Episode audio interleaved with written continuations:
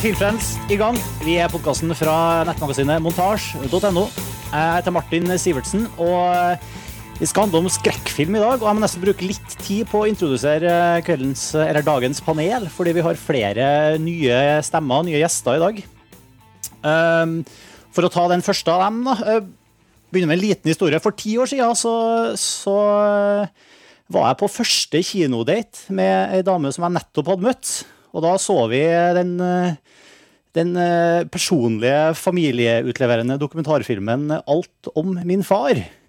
Hjelpes. Yes.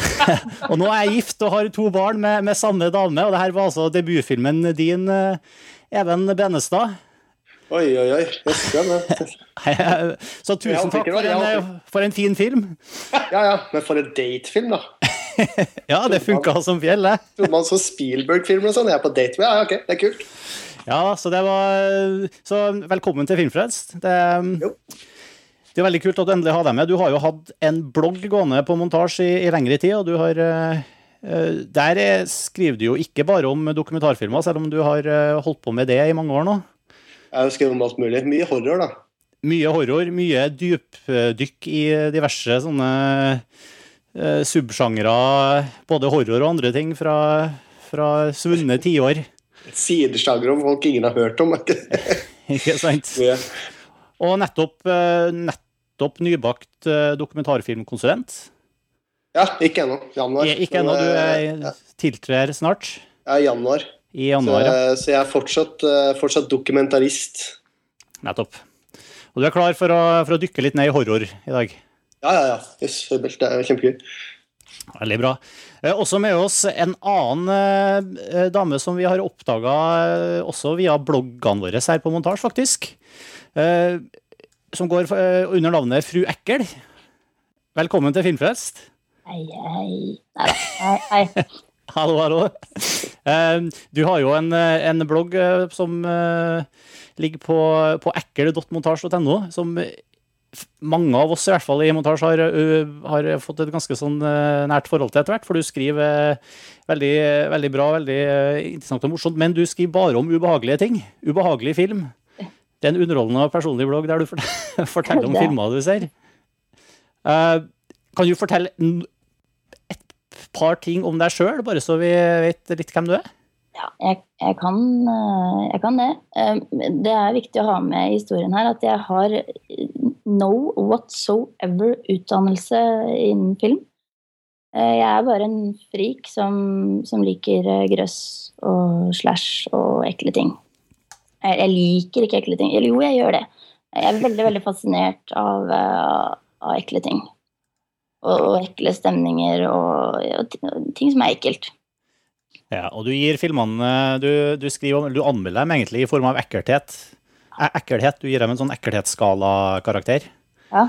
Mm. Det var en idé som kom med dette, Det begynte jo egentlig som en videoblogg. Hvor disse tentaklene sånn tøyt inn på sida. Vi satt her og redigerte, og, men det tok jo så jævlig lang tid, vet du. En sånn film på åtte minutter, da brukte vi jo fem dager, ikke sant? jeg har vært med på å lage videopodkast. Det er betydelig lettere å lage lydpodkaster. Yes. I hvert fall uh, uke etter uke. Og skrive og så legge ut litt bilder istedenfor, da. Så da. Og jeg hadde jo så innmari mange filmer som jeg måtte formidle, og hva jeg mente å trekke personlige relasjoner til. Så da endte det opp med at uh, jeg begynte å skrive isteden, og så heller uh, legge til disse tentaklene da, med sånn bilde isteden. Og Ekkelbloggen kommer varmt anbefalt fra oss, i hvert fall. Og du har selvfølgelig en selvskreven kandidat til å være med på horror, Horrorfilmfrelst. Tusen takk. Og til slutt, og ikke minst, en mann som ikke trenger noen introduksjon, men skal få det likevel. Eh, montasjeskribent, redaksjonsmedlem Lars Ole Anti-Kristiansen. Jo, takk for det. Eventuelt bare Kristiansen. Ja, ja Anti-Kristiansen på Facebook siden, siden premieren på Antichrist. Så, så, ble det sånn, og da har jeg aldri forandret tilbake igjen. For da vil, kommer jeg vel til å bli kasta ut av Facebook. Så det har jo blitt mitt alter ego på nett ennå. Du blir kasta ut hvis du endrer navn? er det sånn? Ja, jo, men det er, det er masse sånn Jeg har hørt grusomme historier av folk som som, som, hvis det blir oppdaget av liksom Facebook-systemet at de eh, opererer under falskt navn, så får de ikke være med. Er antikrist. Så jeg, jeg, jeg, jeg, det helt utrolig at de godkjente det da, i utgangspunktet. Men eh, det var nå sånn. Ja, det er jo eh, Antichrist er jo liksom din store Magnus, eh, hva heter det? Din, din store Du har jo skrevet 18 sider i en foreløpig ikke-publisert masteroppgave om, eh, om den. Chaos Reigns. Ikke sant? Ja. Og du har jo røpa mange ganger at du er en sånn horror, eh, horrorfan, du òg. Du, har jo- du har jo egentlig ganske mange sånne sjangre du Ja, så det er ikke noe sånn, det er ikke, det er ikke nødvendigvis det som er min sånn uh, utelukkende spesialitet. Så jeg er jo ikke på nivå med, med, med Even eller uh, Fru Ekkelt uh, hva gjelder horrorfilm, men jeg har jo alltid vært veldig glad i skrekkfilm. Mm. Mm. Det har jeg. Og, um, og, og ja, Antichrist er jo en, en, en grøsser som jeg har, har fått et veldig personlig forhold til, fordi at jeg har jobbet så mye med den under studiene mine. men uh, det er vel også en film jeg begynner å bli ganske mett på. så vi Men jeg ser jo at jeg la merke til at Wikipedia for eksempel ramser opp den i, som en sånn en, Og nå kommer vi inn i noe kanskje det Det skal også si da, jeg synes jo ikke det er, For meg er ikke det en skrekkfilm heller. Nei, men det blir jo opptatt som en slasherfilm. Ja. Jeg syns det er drama, jeg. Ja, ikke sant? det også. Du, du, så, så det, er en sånn, det er et skikkelig virvar av subsjangre innenfor horror. eh. Ja, og det er vi nødt til å komme inn på. ikke sant? Fordi alltid når man skal ramse opp favorittskrekkfilmene sine, så blir man veldig sånn Å, men er det egentlig en grøsser? Er, det, er 'Nattsvermeren' en grøsser, eller er det en thriller? Men den er litt for skummel til å være en thriller, eh, og så videre og så videre. Så er 'Picnic at Hanging Rock' en slags grøsser, eller er det en, en dramafilm som føles like uhyggelig som en grøsser? Um, det er Picnic at Hanging Rock er vel strengt tatt kanskje mer mystery, vil jeg si. da. ja, Den, er ikke, den har ikke sånne veldig mange horrorelementer, bortsett fra at noen forsvinner. Men det er et mysterium. Men det er et veldig er bra mysterium. Ja. Litt ondskap er det. ja, men det er en sånn mystisk film. Men, men altså, altså der, altså, eh, fru Ekkel, du, du skriver jo om filmer eh, men du, men du kan plutselig finne på å skrive om The Truman Show, for eksempel. Ja, det var jo litt morsomt, fordi jeg spurte jo Jeg hadde spurt alle, alle jeg har møtt og jeg kjenner, om hva de syns er den ekleste filmen de har sett. Jeg har, har jo tross alt en lidenskap, så jeg må jo spørre alle jeg møter. Og så helt til sist så finner jeg på å spørre samboeren min, da. Som stakkars må se jævlig mye drit sammen med meg. Uh, og han svarte jo da uten å mukke at uh, det var det Truman Show. Ja. Og det var, eh, det var en utfordring for meg, og, men samtidig også var det litt kult å, å overraske litt. Ja, Du har liksom opphevd allerede der sjangertyranniet. Ja, ikke sant? Så det er jo som, som, eh, som dere sier at det For meg er det Jeg blir jo også alltid spurt hva er det, ek- hva er det ekleste du har sett? Og det er jo utrolig vanskelig å svare på. Det er jo det der med er det horror, er det thriller, er det mystery, er det drama? Altså, jeg syns jo Festen er en jævlig film å se. Festen til eh, Mm. Gjør dere det? Men, men altså, der kan, du- det er liksom på, på, på, vi kommer jo litt inn på det. Liksom, er det det som er poenget? Hva er det, altså, når man snakker om eh, hva man liker av, av horror, og hvorfor man liker horror, og sånn, er det, hva er det ekleste du har sett? Er det, der, eh, er det det som er det definerende spørsmålet? Eller er det det i forhold til, til deg? Det er derfor bloggen heter Ekkelt og ikke Skummelt. Nei. Og hvorfor den ikke heter uh, horror uh, så- Noe med horror eller Jeg ville jo lage et bredere konsept for å ha større frihet. Men jeg visste ikke når jeg begynte hvor bredt det egentlig kunne bli. Og det syns jeg er litt kult, for den bloggen har bare eget, begynt å leve sitt eget liv. Rett og slett. Ja, vi har trukket seg ut i mange, i mange retninger. og det, er jo da et, godt eksempel. Da. Det virker som Peter Weir i det hele tatt er mesteren av de veldig subtilt eh, ekle filmene. 'Picnic at Hanging Rock', The Truman Show. Snakket om. Men ja eh, Paris. Ja, ja, den har ikke jeg sett. Den har jeg bare sett Ja. noen klipp fra YouTube, men den virka helt insane. Ja, det er så ganske sånn eh, Det er, sånn, det er jo noe Peter Weir er til sånn, det er til sånn guffent med hans filmer. Eh, Ja. Jeg vet ikke hva det er, men det er alltid noe sånn, sånn småguffent og rart og uforklarlig med dem. Ja, den, eh, den herre Hva er det den Last- heter den, da? Last Wave Storm. Last Wave, ja. Den Ja. nå er ganske guffen. Den er hjertelig bra. Det er sånn, det er sånn godt eksempel på ekstremt bra horrorfilm, for det er jo definitivt en horrorfilm. Men den er, den er ganske krypende og isen og, og ganske sånn eh, Hva man sier på engelsk eerie å se på. Ja, men den ville du sagt at var en horrorfilm også, for jeg tenkte, ville også da kanskje tenkt på den som en slags ja, mystery. Men, det, men samtidig den er litt mer sånn renere horror. for jeg syns at Hanging Rock er veldig sånn, Den er veldig surrealistisk, og det er veldig mye ja, Det er for så vidt The Last Wave òg, men jeg føler iallfall at The Last Wave er, er, er eh, mer horrorfilm. ja, det er litt sikkert- mer sånn horror Mm. Ja, er, jeg kan være enig i at den er i hvert fall litt mer sånn horroraktige strategier i måten den er fortalt på og sånn. Mm. Ja, veldig bra film i hvert fall. Altså laga en kjempebra film som eh, blir sånn hybrid men The Plumber, som er en TV-film som han gjorde, som også er, eh, er ganske ubehagelig. Mm. Men det er rett og slett bare en rørlegger som bare ødelegger et leilighet. En sånn subsjanger for eiendomsmeglere. Ja, det er sånn alles, alles frykt for håndverkere som aldri blir ferdig, men den er, eh, den er virkelig bra, altså. Frykten for håndverk. Ja, den, er, den er veldig bra. Sånn, uh, elsker den filmen. Da. Den, er, eh, den, er, den er ordentlig stas å se. Den er eh, Alle disse filmene tror jeg går an å få altså De går åpenbart an å få tak i på play.com og sånn, men jeg mener å huske at eh, bare for et par år siden så kom det også det var Scambox jeg, som samlet alle disse gamle Peter Weir-filmene i en boks som jeg tror fortsatt man kan få kjøpt eh, tilnærmet helt latterlig billig. Så, så det kan man, uansett anbefale alle. Peter Weir ble liksom den første regissøren Ja, det var veldig pussig. ja, pussig. Men vi kan jo bevege oss videre derfra. Vi kan jo kanskje snakke litt om, om hvilket forhold vi har til skrekkfilm som rent personlig. Nå har jo fru Ekkelt uh, kommet inn på det. Jeg vet ikke, Du kan jo fortelle litt om, om hvorfor du har blitt så lidenskapelig interessert uh, i horrorfilm, Even. Jeg, jeg forbinder jo deg mer med horrorfilm enn med dokumentarfilm. Ja, Det gjør jeg selv også. Altså, det, er, eh, det er min horror, det at jeg måtte lage dokumentarfilm. Eh, Du måtte bare. ja, jo, men det blir sånn Jeg lagde film om faren min, og så plutselig så var jeg bare dokumentarist. Og det, det har jeg både blitt tvunget til å være siden. Så, så sånn ble det bare. Gjerne lagd horrorfilmer, ja, altså. Så, Ja, men, Synd at det ikke finnes noen egen skrekkfilmkonsulent, da. Det. ja, det hadde jeg likt. Vi lager jo en del skrekkfilm òg.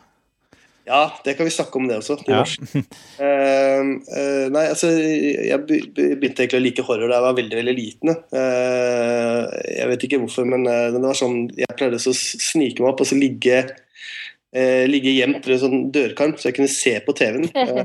Det høres kjent ut. ja. Eh, og eh, det endte jo stort sett veldig dårlig, for jeg ble så dritredd at jeg måtte sove hos foreldrene mine. Så, eh, og gjerne sånn tre-fire netter av gangen. Og det ble verst eh, mot, altså på 80-tallet, når NRK begynte å vise engelske spøkelsesfilmer. Mm. Eh, The Woman in Black husker jeg best. Uh, og siden man prater om uh, ekle scener, så tror jeg i den originale The Woman in Black så er den ekleste scenen jeg noensinne har sett. Jeg blir aldri ferdig med den scenen. Og eh, hver gang jeg ser filmen, så får jeg akkurat samme opplevelse. Men da sov jeg tror jeg fem eller seks dager inne hos min mor og far. De skjønte hvorfor. Hvor gammel var du da? ja, det var ikke, ja, da var jeg vel eh, Ja, det husker jeg ikke. Eh, For jeg, for jeg lurer også på om det med ekle scener har veldig mye sammenheng med når i livet du så dem. For jeg også husker liksom den scenen fra Brødrene Dal med noen øyne bak et maleri som en sånn superekkel opplevelse. Det. Ja. Ikke sant, Spektralsteinene, det. Ja. Er hun som, eh, ja, stemmer det. Så hun som gikk med en hanske og så la den på panna til søstera si. Som det gjemte seg under veggen. Det så ut veldig skummelt da. Ja, for jeg hadde sånn maleri på veggen hos, på soverommet til foreldrene mine som jeg ikke torde å se på, som jeg måtte lukke døra når jeg gikk forbi. og ak Akkurat på grunn av, det maler, av de øyene her. Så um. Men kan jeg spørre deg, Even, eh, den ekle scenen, var den eh, ute på kirkegården der? Når hun, han ser silhuetten hennes for første gang? Her er noen svever over den i senga. Å ja. Å, shit, ja. Den, Ja, den er- den er virkelig sånn eh, altså Det er bare så intenst at det, det, er, eh, det er vondt å se på. Jeg, jeg tror, altså jeg, så Hvor gammel kan jeg ha vært? Altså jeg husker jeg så Texas Chains of Massacre da jeg var tolv år gammel. Eh, og Da ble jeg også ganske redd, men da ble jeg full av skam også, for at mamma hadde fortalt at det var, eh, at det var sånn snøff-film.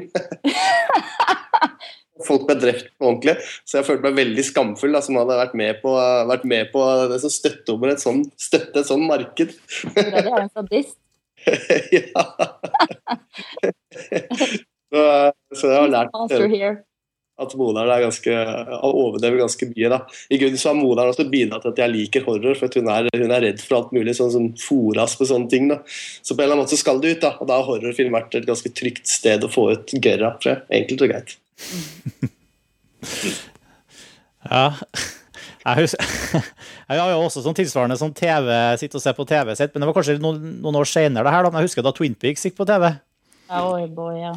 Da, da, da, fikk jeg noen sånne problemer med å være alene hjemme. Sånn. Jeg husker særlig de scenene med han Bob som dukker opp i speilet.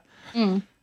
Og bak sofaen. Og, ja, ikke sant? I det dongerijakka og lange håret. og så hver gang jeg liksom var hjemme i huset og så i et speil, sånn, så syns jeg liksom alltid at eh, Så bare venta på at Bob skulle dukke opp. Bob, liksom. Bob. Ja. Jeg leste jo faktisk eh, Søstera mi hadde den eh, Laura Palmers dagbok. Jeg har en søster som er sju år eldre. Og jeg eh, leste jo den først. Da var jeg ganske liten. Jeg tror ikke jeg var mer enn eh, kanskje ti-tolv år. Og den er jo litt sånn Den er litt erotisk. Sånn at eh, jeg satt jo selvfølgelig og nileste dette her. En pervers liten frik. Eh, men så når jeg da så filmen, jeg var også litt for liten, og spesielt det der med at Bob er nederst i senga. Så tenker du på Twin Peaks Fire Walk With Me, altså filmen? Å ja, det er Fire Walk With Me, det, ja. Stemmer. Der man ligger i, holder seg bak de der sprinklene på senga. Ja, ja. Og det var liksom noe sånn Så blanda jeg jo det, selv om jeg var liten, så liksom skjønte jeg at det liksom var noe sånn underliggende seksuelt der som bare liksom gjorde alt helt fucked. Uh, så jeg også husker veldig godt han, han Bob. Og, uh, og, når du snakker om serien, så er det jo uten tvil den siste episoden som, hvor de begynner å snakke baklengst og Here is Maddie. Watch out for my sister. All your friends are here. det var særlig han dvergen som Ja. snakka baklengs. Mm. Where I came from, the birds sing a pretty song. Coffee, coffee, coffee. Men, men, eh, men ja, den analysen, den analysen Hva sa du, Lars Ole? Jeg sier at uh, den, uh, den analysen som du da kom med etter å ha lest den boka, for følte at det var en sånn underliggende seksualitet, forstyrrende seksualitet der, den viste seg i så fall å være ganske riktig, da, hvis man tenker på uten å For de, de ytterst få leserne våre som eventuelt ikke har sett Twin Peaks, så er vel det kanskje en veldig grusom spoiler, men det viser seg at den analysen ikke er helt på jordet, da. Bob representerer jo pappa, holdt jeg på å si, som forsyner seg Ja. Mhm. Ja. Nei, men eh, Twin Peaks var også Jeg så ikke Twin Peaks før jeg gikk på videregående. Jeg er jo en del yngre enn alle dere, så jeg har ikke Jeg vokste ikke opp eh, Altså, jeg var vel fem år eller noe når Twin Peaks kom. Da var ikke det noe jeg Da lå vel jeg og sov. Ja. Gjorde du det? Eh, Men, eh, men jeg så det på videregående, fordi da kom det på DVD. Kom på DVD når jeg, ble, når jeg var sånn ca. 16. Det er i hvert fall Jeg syns jo fortsatt altså, Twin Peaks er noe av det. I hvert fall første sesong av Twin Peaks. Synes jeg, og Den har jeg sett i hvert fall 11-12-13 ganger.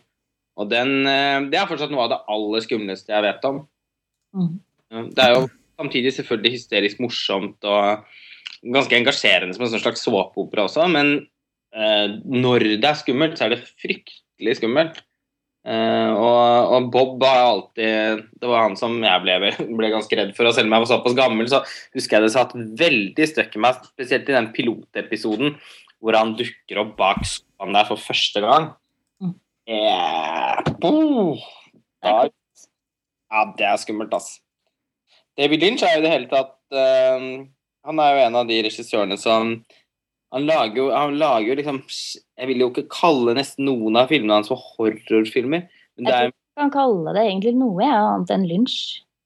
Ja. Ja. Ja, det kan, ja, det kan Men det er mye, ofte mye horror-elementer i dem. er Det jo. Det er det jo masse av i Blue Velvet og eh, Twin Peaks og eh, altså kortfilmene hans også. Eh, 'Grandmother' er jo en slags surrealistisk horrorfilm, vil jeg si. mm. Ganske uforståelig på mange måter, men forståelig på en annen måte. Forståelig lunsjland.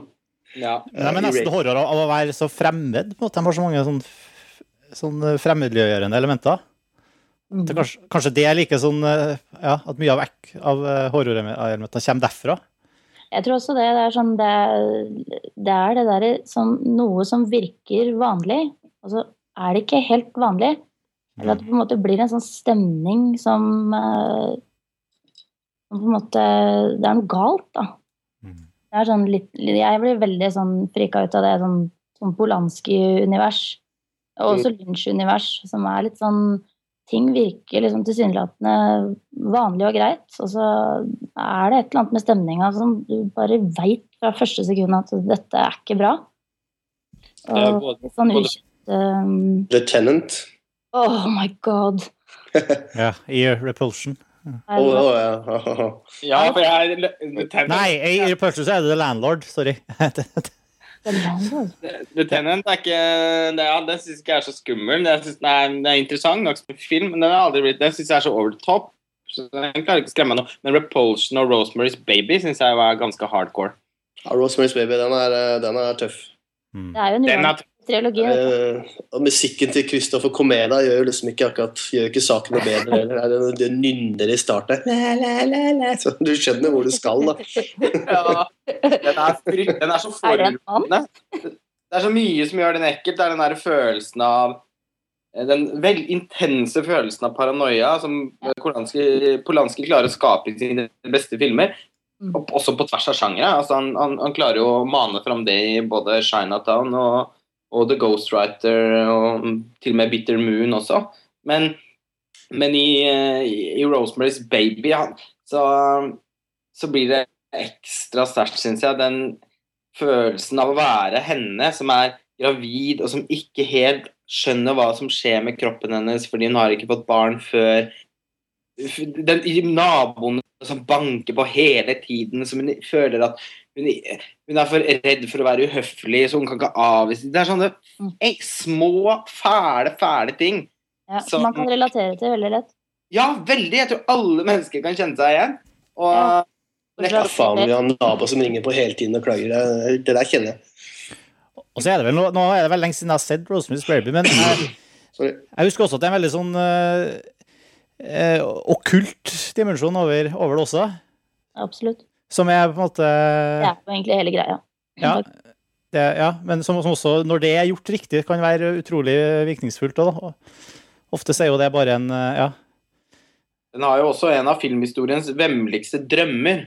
Eh, drømmer i det hele tatt er jo gjerne Blir jo gjerne på den ene eller andre måten Glir jo gjerne over i litt sånn horrorlandskap på film. Fordi at vi, vi, vi drømmer jo ganske ofte mareritt.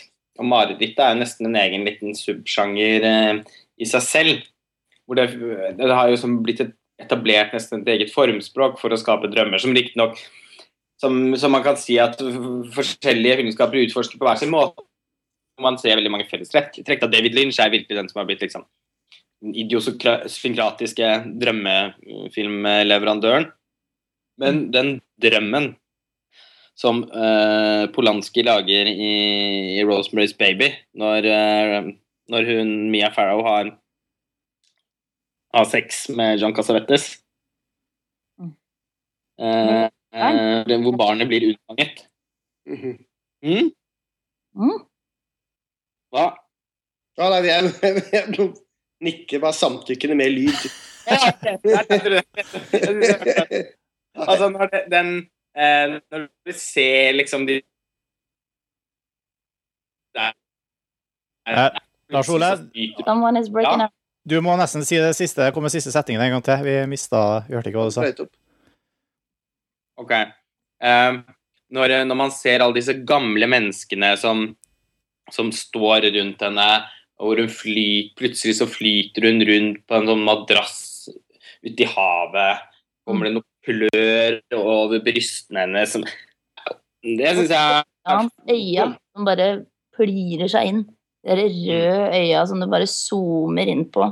Først er de litt sånn blurry, og så bare fokuserer de inn. Og du skjønner at faen. Det er Den, jævlig. er, den filmen den er også så forferdelig, fordi den preges av sånn gjennomsyret ondskap, syns jeg. Det gjelder Repulsion òg. Det er akkurat som det er Den er ikke laga av en Roman Polanski kan jo egentlig være veldig morsom òg. Han har vist flere sider av seg selv i karrieren. Det er noe sånn umorsomt over filmen òg, syns jeg. Det er ikke Det er sånn, uh. Nei, den er, sånn, den er laget av noen folk som ikke er bra. For, for den følelsen. Samme, litt sånn samme følelsen som man får av Som jeg fikk sist, sist gang jeg fikk den eneste gangen egentlig jeg har fått den følelsen i nyere tid, var vel det der sånn Martyrs. Uh, oh, ja. oh, ja. Amen. den, skal, den kan vi komme tilbake til siden. Eh, Men, eh, men den følelsen når man føler at serien ikke skulle vært lagd, eh, der er Rosemary's Baby litt for meg. Det er faktisk en jeg oppsøker svært sjelden fordi jeg syns den er så fæl. Jeg syns Repulsion er den verste i den trilogien. Uh, også pga. det der med tilbake, Ikke at jeg bare skal snakke om sex, men det der underliggende undertrykte seksuelle greia hun eh, Catherine har. Og det at du hele tiden ser at eh, sånn veldig veldig kul detalj som er sånn typisk Polanski, er det at du ser at hun syns jo den singleten til han ene karen er så ekkel. .no. Og men så seinere i filmen så ser du at den flytter seg hele tiden. Og til slutt så henger den som den største selvfølge over senga hennes. Det er sånn, det er sånn bare å finne på noe sånt for å gi liksom seeren en clou da, hele tida om at Ikke sant? Det, det, det, det går lenger og lenger, og hun, hun blir liksom bare mer og mer øh, Hva skal jeg si? Help me out. Ja.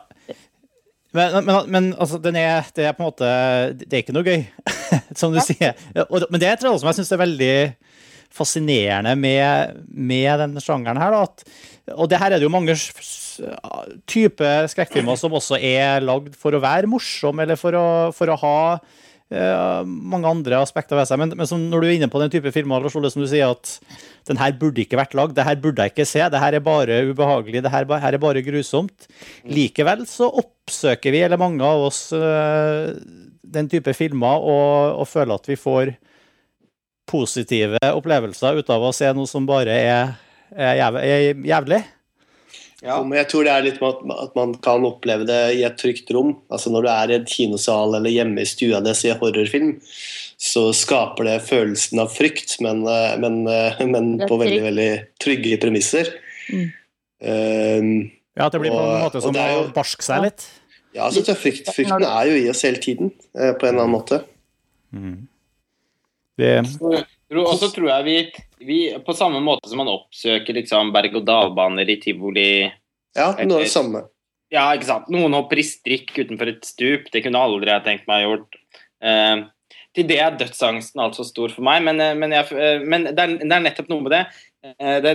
Du vet at du opplever den skrekkfilmen i trygge omgivelser. Det er, bare, det er helt irrasjonell og i utgangspunktet blir redd for den. Eh, men, men, vi klarer ikke å stå imot verken fysisk eller psykisk. Da. Og det, jeg tror også det Det er kanskje ingen film, filmer som virker så eh, umiddelbart sterkt som skrekkfilm. Og jeg merker jo ofte, når man ser veldig mye film, så kan man bli liksom litt blasert noen ganger. altså Man kan føle veldig at man At det er filmer som man bare liksom svever eller flyter igjennom. Og Mm. der er alltid skrekkfilmen eh, vært en sånn kosebamse for meg, fordi den syns jeg alltid på en eller annen måte jeg må jobbe med. Ikke fordi den er så smart eller så fryktelig interessant eller bra nødvendigvis, men fordi jeg alltid syns det er så utrolig underholdende å se hvilke grep eh, filmskaperne gjør for å forsøke å skremme meg. Ja, Eh, det, at, det at de hele tiden må liksom en, skrekk, en som lager skrekkfilm, er nødt til å ta noen veldig sånn skarpe, eh, tydelige retoriske valg da, for å påvirke, og aller helst filleriste tilskueren sin. Mm. Og det skaper nesten alltid en veldig underholdende opplevelse, syns jeg. Så Mm. derfor er nok skrekkfilmen den eneste sjangeren hvor jeg kan ha nesten like stor glede av en dårlig Ikke like stor, selvfølgelig, men også ha ganske stor glede av dårlige filmer. Jeg merker er veldig godt uh, en annen ting, at når jeg, når jeg sier til folk uh, Når jeg har sett noe som er skikkelig, skikkelig jævlig, og jeg mener det virkelig, at jeg vil ikke at andre mennesker skal se denne filmen fordi den er så jævlig. Effekten er jo alltid motsatt. Mm. Når jeg sier 'ikke se denne filmen', vær så snill, hold deg unna, den gjør vondt. Det første folk gjør da, er å gå hjem, eh, laste den ned og se. Ja, men det merker jeg med meg sjøl også, at jeg reagerer på samme måte. Og det tror jeg er fordi vi vil, vi vil, vi vil se det selv. Altså vi skal teste oss selv, da. Vil det ha den samme effekten på meg? Uh, vi vil se ting med egne øyne. Og det pirrer i oss. Det er helt sikkert. ja, men akkurat der, der føler jeg Eller kan det bare jeg som begynner å bli litt eh, gammel og soft. Men jeg, jeg Ja, har i men- hvert eh, all- Helt siden jeg leste eh, artikkelen din om Du nevnte jo filmen i stad, Lars Ole, The Martyrs. Ja. Eh, Du skrev om den på montasje og kalte filmen fra helvete. Ja, det var, det var helt i begynnelsen av montasje, men Ja. den, den så jeg jo når den kom eh, på Blu-ray, husker jeg. Det var Forferdelig skjellsettende opplevelse. Ja, og jeg fikk umiddelbart veldig lyst til å se nettopp fordi at du sa at det her er liksom noe man ikke bør se. Samtidig så har jeg faktisk ikke manna meg opp til å se den.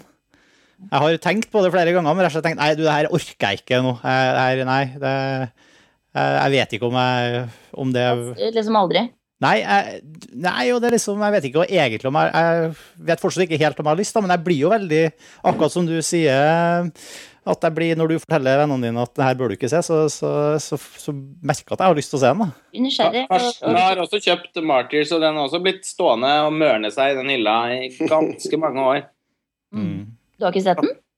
Jeg har sett den, men uh, vår kollega på montasje, Karsten, som, i, som ikke er med i kveld, men som ofte, gjerne er med, ofte er med på Filmfrelst, han, uh, han har, vet jeg også kjøpte eh, Martyrs, men har fortsatt ikke fått mannet seg opp til å se den. Fordi den blir som en sånn hvit elefant. Mm. du så den jo, Even. Ja, ja, men sånn. Det var jo Det eh, Det var litt av en opplevelse.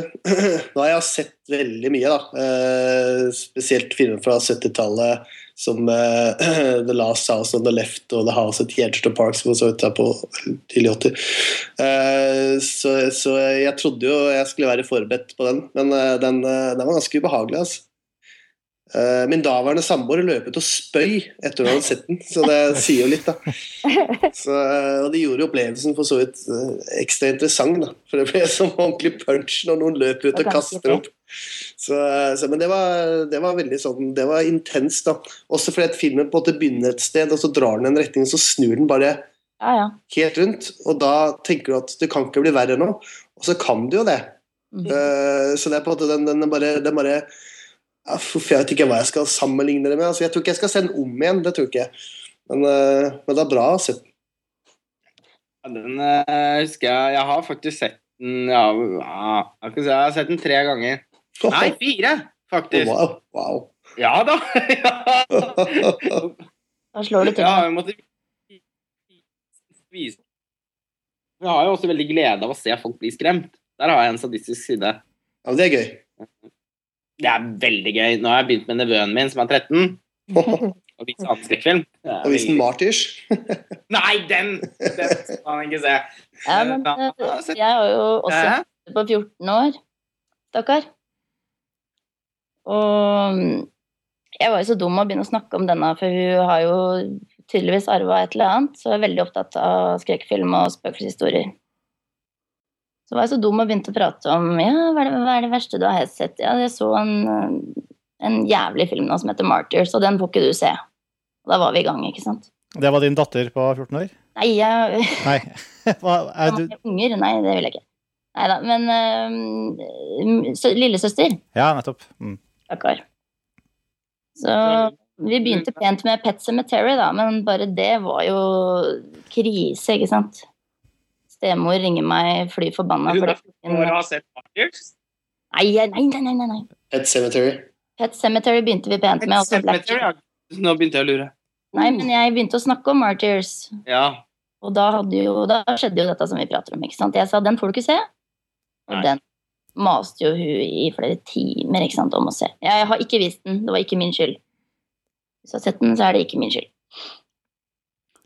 Men uh, ja. Ja, Den har jeg også fortalt min nevø at uh, helt spesifikt at den skal han holde seg langt unna. ja Det er det, er dumt. Ja, Si det. Du må si at den er kjedelig.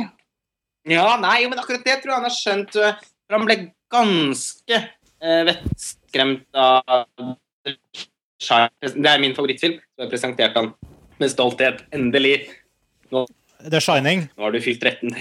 Ja. Nå er det dags, for jeg var 13 år selv når jeg så The Shining. Det, det var en uforbeholden suksess. Er det din favoritthorror? Har du sagt røpa det allerede? Ja, altså, jeg sa det nå. Men du, Eh, Lars Ole, dem er- nevnte ikke du i forrige episode av Filmfrelst at eh, det tvert om var Carrie som, Hmm. Som eh, Oh. havna på din topp ti-liste? Og da kan Nei, vi snakke om remaken. Carrie er min favoritt Brian De Palma-film. Å, ja. Mm, så er tror- på min toppliste. Men The Mhm. Shining er min nummer én favorittfilm uansett sjanger. ja, begge to lå kanskje på lista der, stemmer det? Mm. Hæ? Nei, Carrie er på kanskje sjuende-åttendeplass. Ja. Um, Mm. Stor forskjell. Shining er jo min Er jo liksom Ja, den har jeg snakket så mye om på Filmfrelst og skrevet om på montasje mange ganger i det hele tatt, så, så jeg føler ikke det er ikke så mye eh, gress på hva jeg kan tilføre der til lytterne eller eventuelt leserne som ikke har sagt før. Men, men det var jo filmen som gjorde at jeg eh, ble, ble fanget av, av horrorfilm. og og som for alvor gjorde at jeg ble ganske hardcore filminteressert. Da når jeg så den som 13-åring, så sov jeg jo ikke godt på flere måneder. Eh, og endte med å, for å forsøke og Det var foreldrene mine som pressa meg til å se den. Det villeste. Ja, det var helt sjukt. Jo, men de hadde Ja, de, var, de har aldri vært så veldig strenge på aldersgrenser og sånn. De var sånn Oi, The Shining går på TV igjen. Den må jo du se gå på TV i kveld. Den må jo du se, Lars Ole, som er opptatt av film. Og jeg bare ja. Stanley Kubrick hadde lest om, ikke sett noen av filmene på det tidspunktet. Så satte vi oss ned og så The Shining, og da var jeg Jeg klarte ikke å fullføre den første gangen. Uh, og da gikk det et par måneder da, uten, eh, hvor jeg da fortsatt bare hadde sett under en time. Jeg så fram til og med Grady-tvillingene ligger i den gangen. Da trakk jeg meg. Jeg er ca. 37 minutter ut i filmen. Um, Cirka. ja, cirka ganske. Det er såpass, ja. Uh, og eh, et par måneder etterpå så hadde jeg jo turte ikke å være hjemme alene. Syns også dette var litt flaut. Jeg hadde blitt 13 år. ikke sant? Det var ikke like kult å vise at man hadde så sterk frykt. Uh, og så sov dårlig. Det var helt forferdelig, faktisk. Uh, jeg bestemte meg for å lese boken av Stephen King. Jeg tenkte nå, det er veien å gå. Jeg leser boka, og så ser jeg filmen på nytt. Så leste jeg boka, som selvfølgelig var helt annerledes enn filmen. Egentlig ikke skummel i det hele tatt. Så leide, leide familien Kristiansen filmen igjen. Og så, det var like jævlig andre gang. Og det, det var ganske lidelsesfullt eh, etter den visningen også. Eh, Men da begynte jeg å tenke nå må jeg ha en ny strategi, og da begynte jeg å sette meg inn i Stanley Kubrick. Eh, og, og, og sakte, men sikkert. Og så begynte jeg å vise den til absolutt alle jeg kjente. Eh, så da fikk jeg sett den veldig, veldig, veldig mange ganger. Eh, og det tok, dempet til slutt effekten. Da. Så det i ettertid blitt en film jeg ser flere ganger i året fortsatt. Ja. Den, den, uten tvil. Jeg det er den desidert skumleste filmen som er laget. Hva var du redd for uh, Hva var det du var redd for når du var aleine etter filmen? Var, sånn, var det tvillingene? Om det var tvillingene? Ja, Var det jeg synes nok de ja, ja, ja, det er den skumleste fremstillingen jeg har sett av spøkelser noen gang. Fordi de er ikke bearbeidet på noen som helst måte. De bare står der. Og de, er, og de har så høye panner. Det der, De er ikke noe, de er ikke noe søte, på en måte. Nei, de er ikke søte. Små jenter burde være søte, men de er ikke søte. Nei, de er ikke søte. De ser ut som en sånn uhyggelig Dian Arbus-fotografi. Og den tapeten, da. Herregud. Minst tapetene. Altså, det er veldig, altså, hele liksom, scenografien i The Shining er et eneste stort mareritt. Bruken av rødt og svart, og sånn svart tre. De indianerne vegg-til-vegg-teppe liksom, i alle ganger. Jakk. Helt forferdelig, vet du. Jævlig. Ja, helt jævlig. Den, den litt sånn matt, mattgule Jeg har den heistura, jeg tror jeg det sa jeg skrev jeg også på montasje. For meg så er det den eh, Det er ikke min favorittskrik. Altså, jeg er veldig glad i den. Men jeg Ja. Men eh, det er den når eh, den blodtsunamien kommer ut av heisen. Ja. Ja, det var jo også helt forferdelig. Det, det var det, det Det var første inn. Ja, Den er jo en sånn ikonisk blodet bare fosser ut. Ja. Egentlig skulle den scenen være brukt. Det er ikke noe sånt, Lars Ove, du som har peiling. Den scenen skulle jo egentlig klippes vekk. Tror jeg. Nei. Å nei. Ja. Han holdt jo på veldig lenge med å få til dette her med disse miniatyrene og Nei, og Men, men, men det, er, det er noen fantastiske sånne triks i den filmen da, med hvor eh, sånn labyrintisk det der huset egentlig er. Hvordan eh, Det her vet jo du helt sikkert. Jeg bare husker jeg så en sånn breakdown av en rekke sånne underfundigheter som du aldri legger merke til første gang du ser filmen, men som bare Hvordan de åpner en dør og går inn i et rom, og så når de går ut av rommet, så vipper døra Så jeg har liksom sitter hengslene på døra andre veien, og de går ut Ja, ja. et, altså det, det er mange sånne scener, og de går inn i et rom som umulig kan være akkurat der, fordi du har sett den korridoren før. og det, det er liksom, Det er, mange, det er derfor den filmen også er tilskrevet veldig mange såkalte movie mistakes. Eh, ja, Men det er jo ikke mistakes. Det kan jo nei, ikke nei, være nei, det. nei. men, men det er jo også noen ting i filmen hvor folk er veldig usikre på For det er en del detaljer som, eh, som er, blir forandret på fra scene til scene. Mm. Som, eh, som er, Shining er jo ofte kjent for å være en av de, film, en av de liksom, store filmene som, som har flest feil.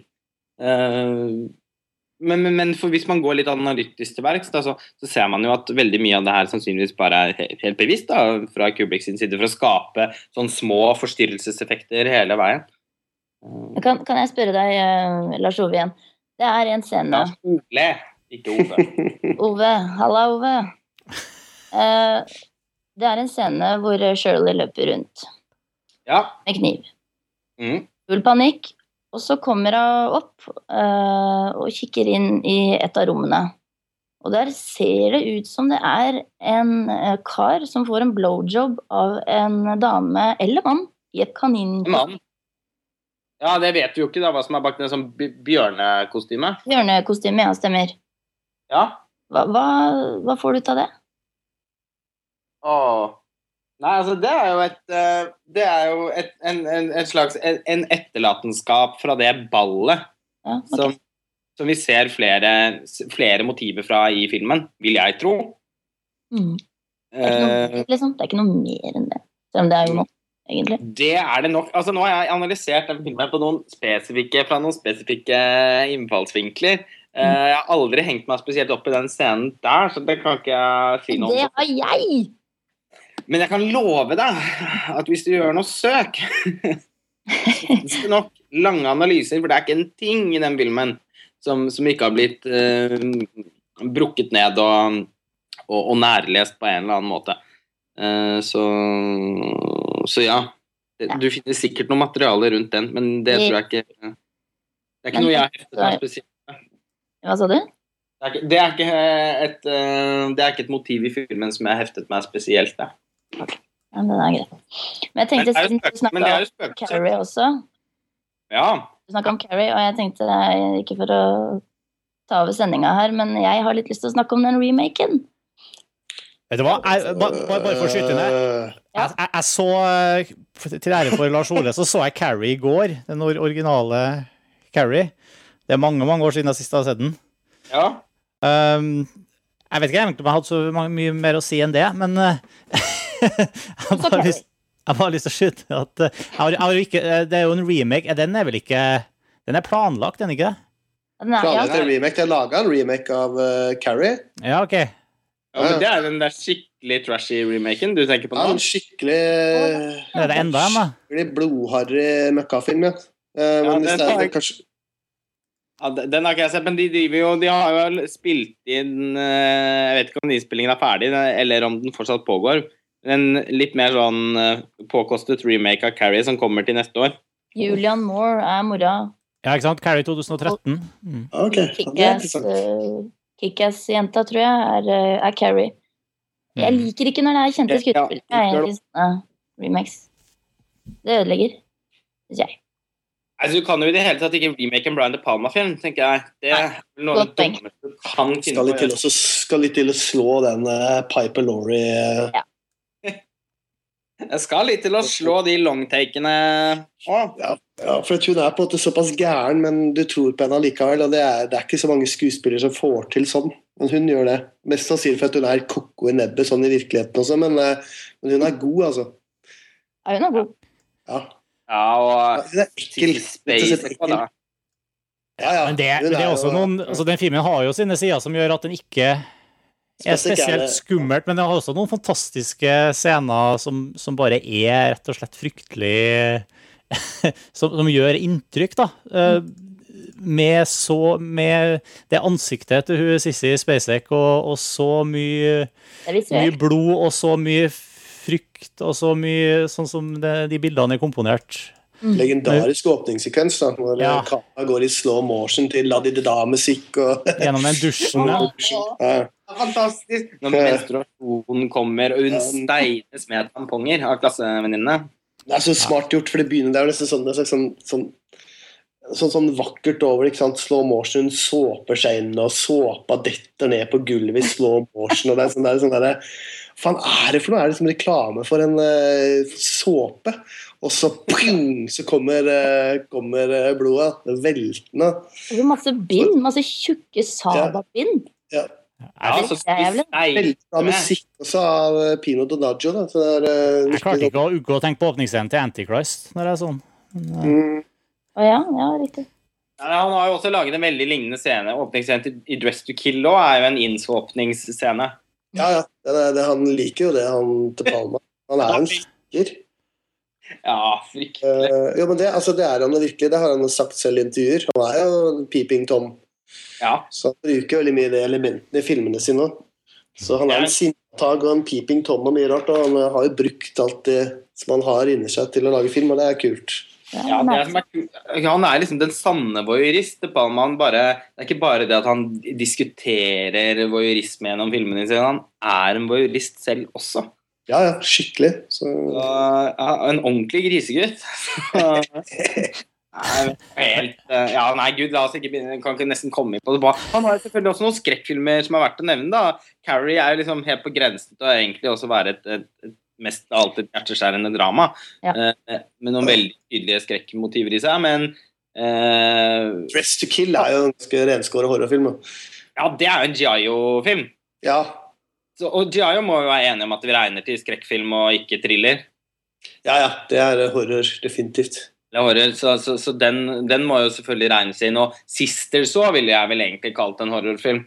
Mm. Ja, ja, absolutt. The Fury er jo litt mer på grensen, ja. Men um, Ja, Det er mer sånn underlig greier, det, men eh, det er, det, er, ja, det er ikke en horrorfilm, egentlig. nei.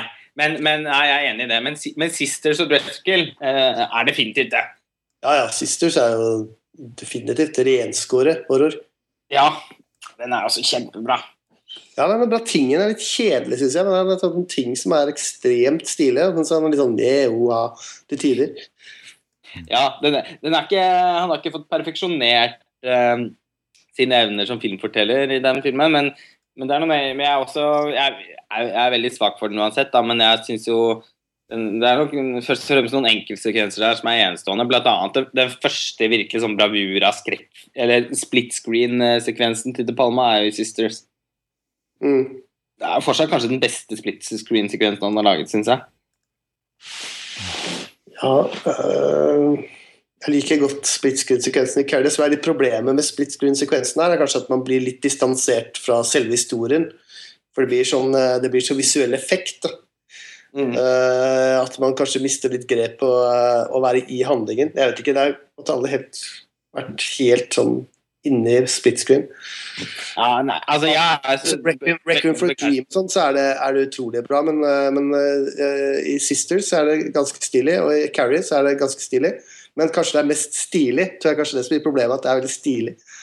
Ja, det, det trekker deg i og for seg ut av horror. Jeg er veldig glad i alle de nesten så fetisjistiske virkemiddelbruken til De Palma. Altså, han, for meg kan han gjøre hva han vil, jeg liker det omtrent. Men, eh, men jeg skjønner jo godt hva du mener med at det, det, det er jo også i og for seg et tema man kan komme inn på. da, Hvor, hvor, hvor går liksom I hvilken grad må, må horrorfilmen liksom Må, Men, men. Må noen dø?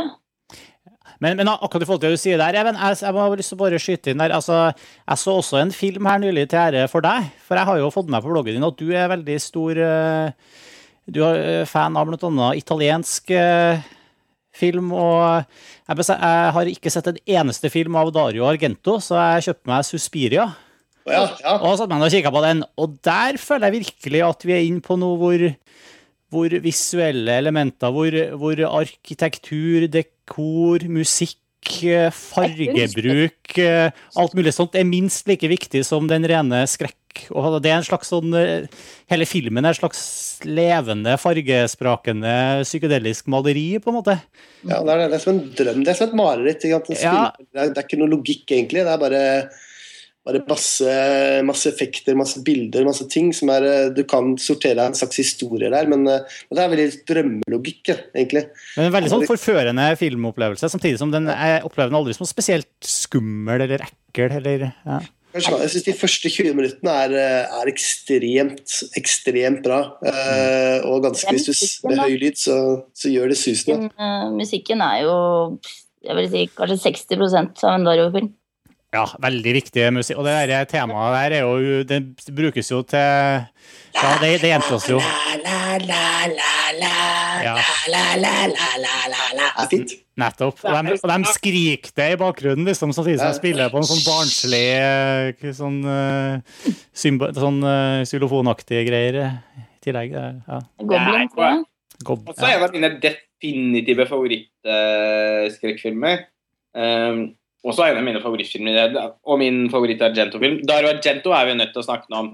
Ja, er, er alle filmene hans sånn? Altså, De her fantastiske eh, settene, rett og slett? Og, Nei, han, har- han har aldri, han har aldri dratt så langt som i den, men uh, det er vel også årsaken til at jeg syns den er best. Jeg er jo ganske glad i sånn i det hele tatt i over the top, eller sånn over the top formspråk, som vi var inne på med Brian De Palma nå, nå også. Og mange av de skrekkfilmene jeg er svake for, er jo de som virkelig bombarderer deg med litt sånn sanseinntrykk, og der er jo Argento helt vill. Og, men Suspiria er jo den som jeg syns er den mest vellykkede. Han drar det jo like langt i Inferno, men der blir jo historien helt ubegripelig. Ja, det, ja Inferno er, er jo bare rot. Ja, dårlig, syns jeg. Ja, den er, den er ganske rotete, Også. hele poenget på slutten er rimelig døvt. Eh, så, så den faller på en måte aldri på plass. Jeg synes det, Kanskje den filmen jeg liker best av D'Argento, er, eh, er Profondo Rosso. Eh, sikkert litt fordi den første jeg så også. Eh, men det er jo en, en slags altså Det er et mordmysterium. Eh, så det er jo veldig veldig forskjellig fra Suspiria. Han har lagd, han har lagd flere giallos, som er mordmysterier, enn han har lagd rene horrorfilmer som, som Suspiria, Inferno og, og Mother of Tears, en sånn triologi. eh, hvorav Suspiria er den eneste som er verdt å se, egentlig. Eh, men på sånn også er det, for som De Palma så er jo, er jo Argento så veldig inspirert av eh, Hitchcock.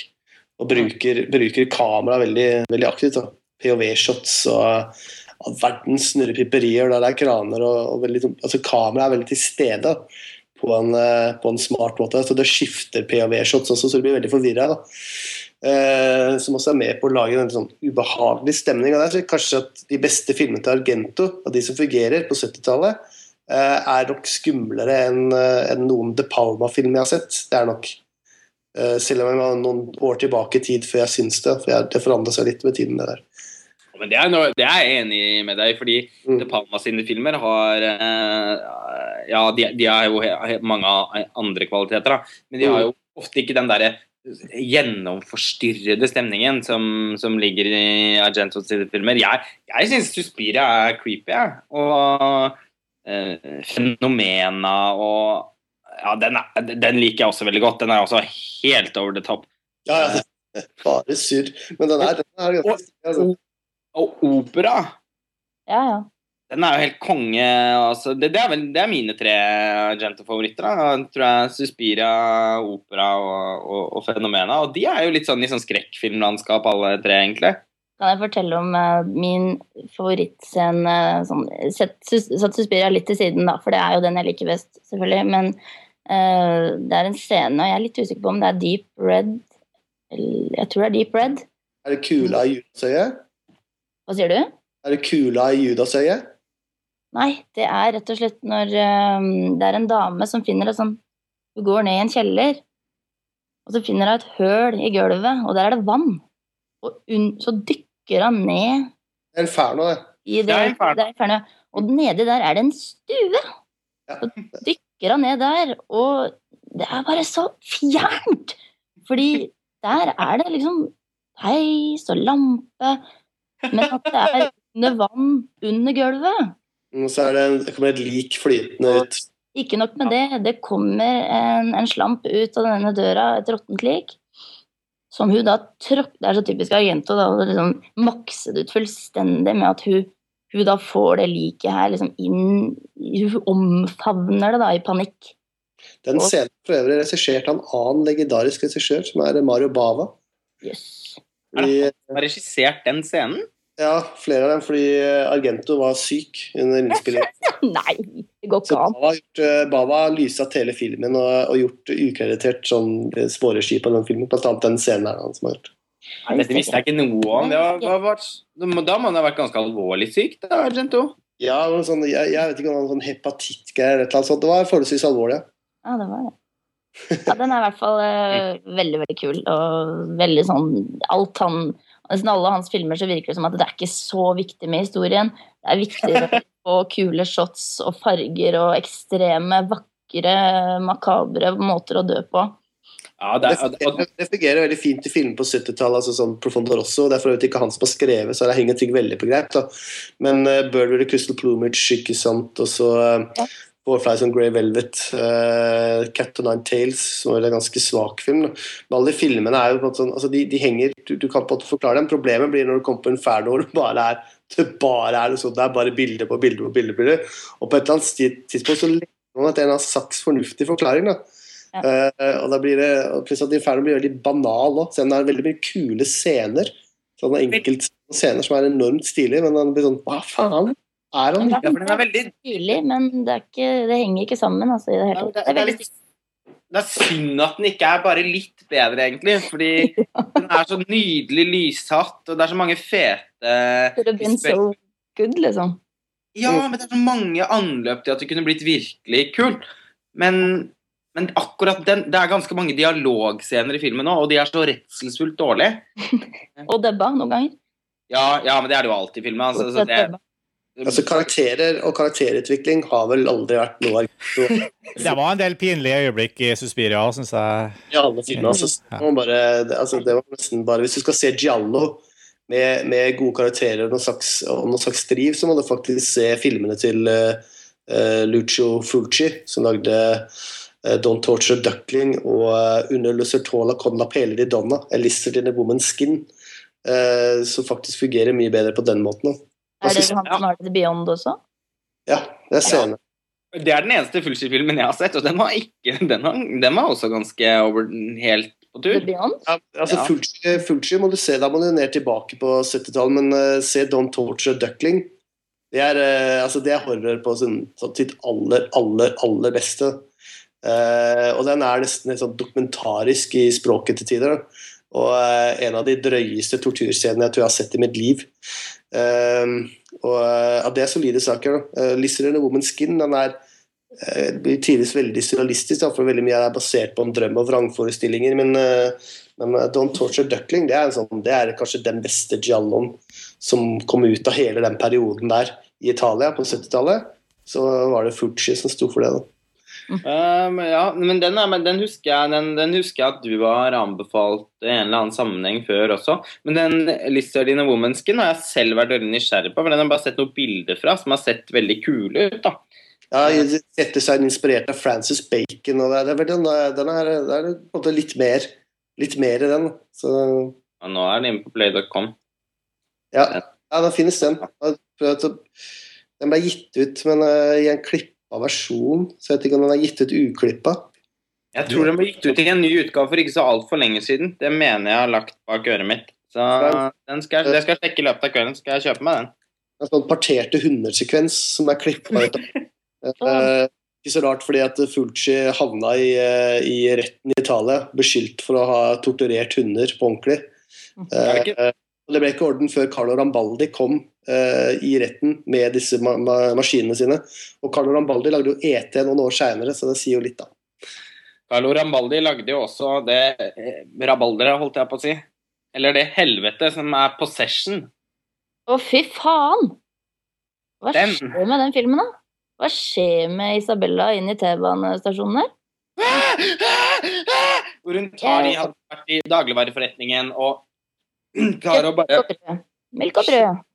Og ler. smeller disse posene i veggen før hun både kaster opp eh, og jeg spyr, ja, det er det samme. Og blør og tar og skriker og generelt bare klikker mongo, altså. Og det er øh, Vet du hva, den filmen den, den gikk så inn på meg at jeg, jeg har ikke klart å, å snakke om den før nå, egentlig. Det er, litt, den er litt sånn, det er vel den filmen jeg har sett som jeg syns er mest lik Antichrist. Den er tøff, altså. Det er øh, beinhard. Og Sam Neill i sånn helt ugjen Jeg så jo Jurassic Park ikke så lenge før. Det var helt surrealistisk å se han ja, de, Men de spiller utrolig bra, begge to. Men det er bare det er, det er, Jeg var ordentlig, ordentlig sliten og utafor etter dem, altså. Nesten litt på gråten, faktisk. Veldig bra, da. Veldig. Ja, det er en av de absolutt beste Det er en av mine favoritthorrorfilmer. Ikke en sånn Tre ganger. Nei, den har jeg bare sett to, eh, dog. For den er jo helt, på en måte helt uselig. Fordi den, er så, den har en så utrolig hemsk stemning. Men jeg har hatt veldig veldig stor glede av den begge gangene jeg har sett den likevel. Hvor, hvilke forhold har du til den, eh, Even? Hvilken film snakker du om? Possession. Av Sulaski? Possession? Jeg har bare sett den en gang. Jeg, jeg, jeg hadde ikke sånn veldig, veldig stor opplevelse, tror jeg. Jeg, jeg syns bare det var veldig gærent. ja. Jeg så den da jeg gikk på, på film og TV, kan jeg huske. Det var litt sånn oh, wow. Så, um, men jeg, jeg får se at referansen til Antichrist er jo ikke så dum, da. Uh, det-. De har ganske mange felles, eh, fellestrekk, syns jeg. Jeg er helt overbevist om at von Trier må ha vært inspirert. Jeg har ikke sett, har ikke sett at han har trukket fram Possession i, i noen noe intervjuer, men jeg er helt overbevist om at han, han har sett nesten all film. Må må ha vært inspirert av den, tror jeg. Ja, ja. Han heller, å snakke om den. Men altså, Sivolaski er vel egentlig noe sånn altså, Han er kunstner, han. Eh, egentlig. Er ikke det? Regissøren, altså. Jeg vet, Han har jo laget en del filmer, men de er fryktelig vanskelig å oppdrive. mesteparten av dem. Jeg har bare sett én film til av jeg har, jeg har kjøpt den som heter Third Part of the Night, som jeg har fått høre at er utrolig bra. Uh, men uh, Men uh, den, den eneste andre Zulawski-filmen jeg har sett, var en, en sånn slags erotisk Et erotisk drama med hun Sofie Markø fra slutten av 90-tallet, som jeg ikke var imponert over. Fysj meg. Eh, Men så har han laget, laget en masse, masse greier innimellom der, da, som, jeg, som er fryktelig vanskelig å få tak i. Men jeg vet at de hadde, jeg tror det var i høst, fjor høst, enten i fjor høst eller i våres, så hadde de en sånn eh, svær retrospektiv i New York, hvor de viste nesten hele filmografien til Zulawski. Så det er nok eh, stor sjanse for at det er noen nye kopier på vei, da, som kanskje også forhåpentligvis eh, materialiserer seg ut i noen DVD-utgivelser. Men, men har du sett noen av de andre filmene hans, eh, Even? Nei, jeg har ikke, altså, jeg har ikke, noe, jeg har ikke noe forhold til han. Jeg har bare sett uh, Possession. Altså har jeg, ikke, har jeg på en måte ikke fulgt opp uh, etter det. Nei. jeg syns på at aldri det var nødvendig, men eh, kanskje jeg skal se den om igjen. Det er lenge siden jeg så den. Ja, Det vil jeg anbefale, altså, for det er mye, å- det er mye å hente i den. Men Ja, men- selv, Det var midt i en slags sånn Hollywood-periode ja, da jeg så den. Så da alt skulle være det var John McTiernan-perioden min, tror jeg. Så jeg tror kanskje jeg skal ta til igjen. Bren, Harlin Harling kanskje òg, eller? Ja, det var Renny Harlin og John McTiernan og Tony Scott. God rest his soul. Ja. Eh, Ja. og, og Så må vi nesten snakke om The Hunger, da. Nettopp. Det er en bra film. Altså, fy faen. så- Det er nok en av de filmene som den og Blue Velvet som uh, iallfall gjorde at jeg ble interessert i å lage film selv. Uh, og spesielt The Hunger. Dette er med disse kollasjene og pusle sammen bilder. Og uh, det å lage, lage effekter, så slow motion, alle de tingene der. Utrolig, utrolig fascinerte. Den er ikke skummel, men den er, eh, den er bare veldig sånn suggererende. Ja, jeg, jeg så The Hunger for første gang for eh, to uker siden. Mm. Litt i anledning Tony Scotts død. Tenkte jeg nå, nå blir det vel med den. Jeg har hatt den på DVD en god stund. Ikke sett den ennå. Sorry. Nei, det må du bare gjøre, fordi det var, det var jo helt fantastisk. Mm. Den beste filmen jeg synes er den beste filmen jeg har sett av Tony Scott, det. Det var jo definitivt den klart mest Ridley-inspirerte filmen. Det var Veldig sånn Ridley-skotsk eh, tablåestetikk i filmen, med duer som flakser rundt inn i stua, og draperier og gardiner som blåser utover i rommene hele tiden. Veldig malerisk, pompøst, lysete. Men, og, og veldig sånn barokt eh, Men slags sånn homoestetikk i filmen òg, som, som, som er veldig sånn 80-tallsaktig. Men det funka Den var superkitsch, men på en veldig kul måte. da Ja, jeg sjekker den ut. Ja, den er verdt å sjekke ut. Det er veldig stilig klippa av den filmen. Dritstilig klippa. Stilig skutt og veldig stilig klippa. Så det er veldig sånn, eh, utrolig sånn, suggererende greier. Bare åpningssekvensen, måten den er klippet på. Mm. Ja, den er jo ganske sånn avantgarde, egentlig. Ja, freeze frame så mye rart. Det er, det er, det er, veldig ja, spesielt, men veldig tøft.